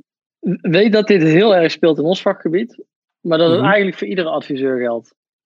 Ja. Dus wij hebben hier, hier in onze KPMG-tijd ook echt, heb ik heel veel trainingen op dit gebied gehad, om je gewoon, dus wel met overtuiging van dat jij bepaalde kennis hebt, maar Ja. je kunt niet alles weten, dus je mag je best kwets- kwetsbaar opstellen en die samenwerking zoeken met die klant. Dus ik denk inderdaad dat het heel erg geldt in ons vakgebied, maar het is breder dan dat. Ik denk eigenlijk dat het voor iedere consultant en intern of extern adviseur eigenlijk ook wel geldt. Nice. Nou, mee eens. Maar nou, nou we hem- nu hem twee keer al hebben genoemd, deze ga ik hem sowieso benaderen. Kijk wie dat wil. Ik weet eigenlijk niet of hij het wel leuk vindt, een podcast opnemen. Misschien vindt hij het wel super kut. We zetten hem gewoon voor het blok, joh. De Ja, mooie ja, vent. dat is waar. Dat wil hij vast. Bij deze, Francisco, please join. Dan Precies. ga ik hem straks gewoon een berichtje sturen. hey, ik moet onnodig eh, of on- onmogelijk hard zeiken.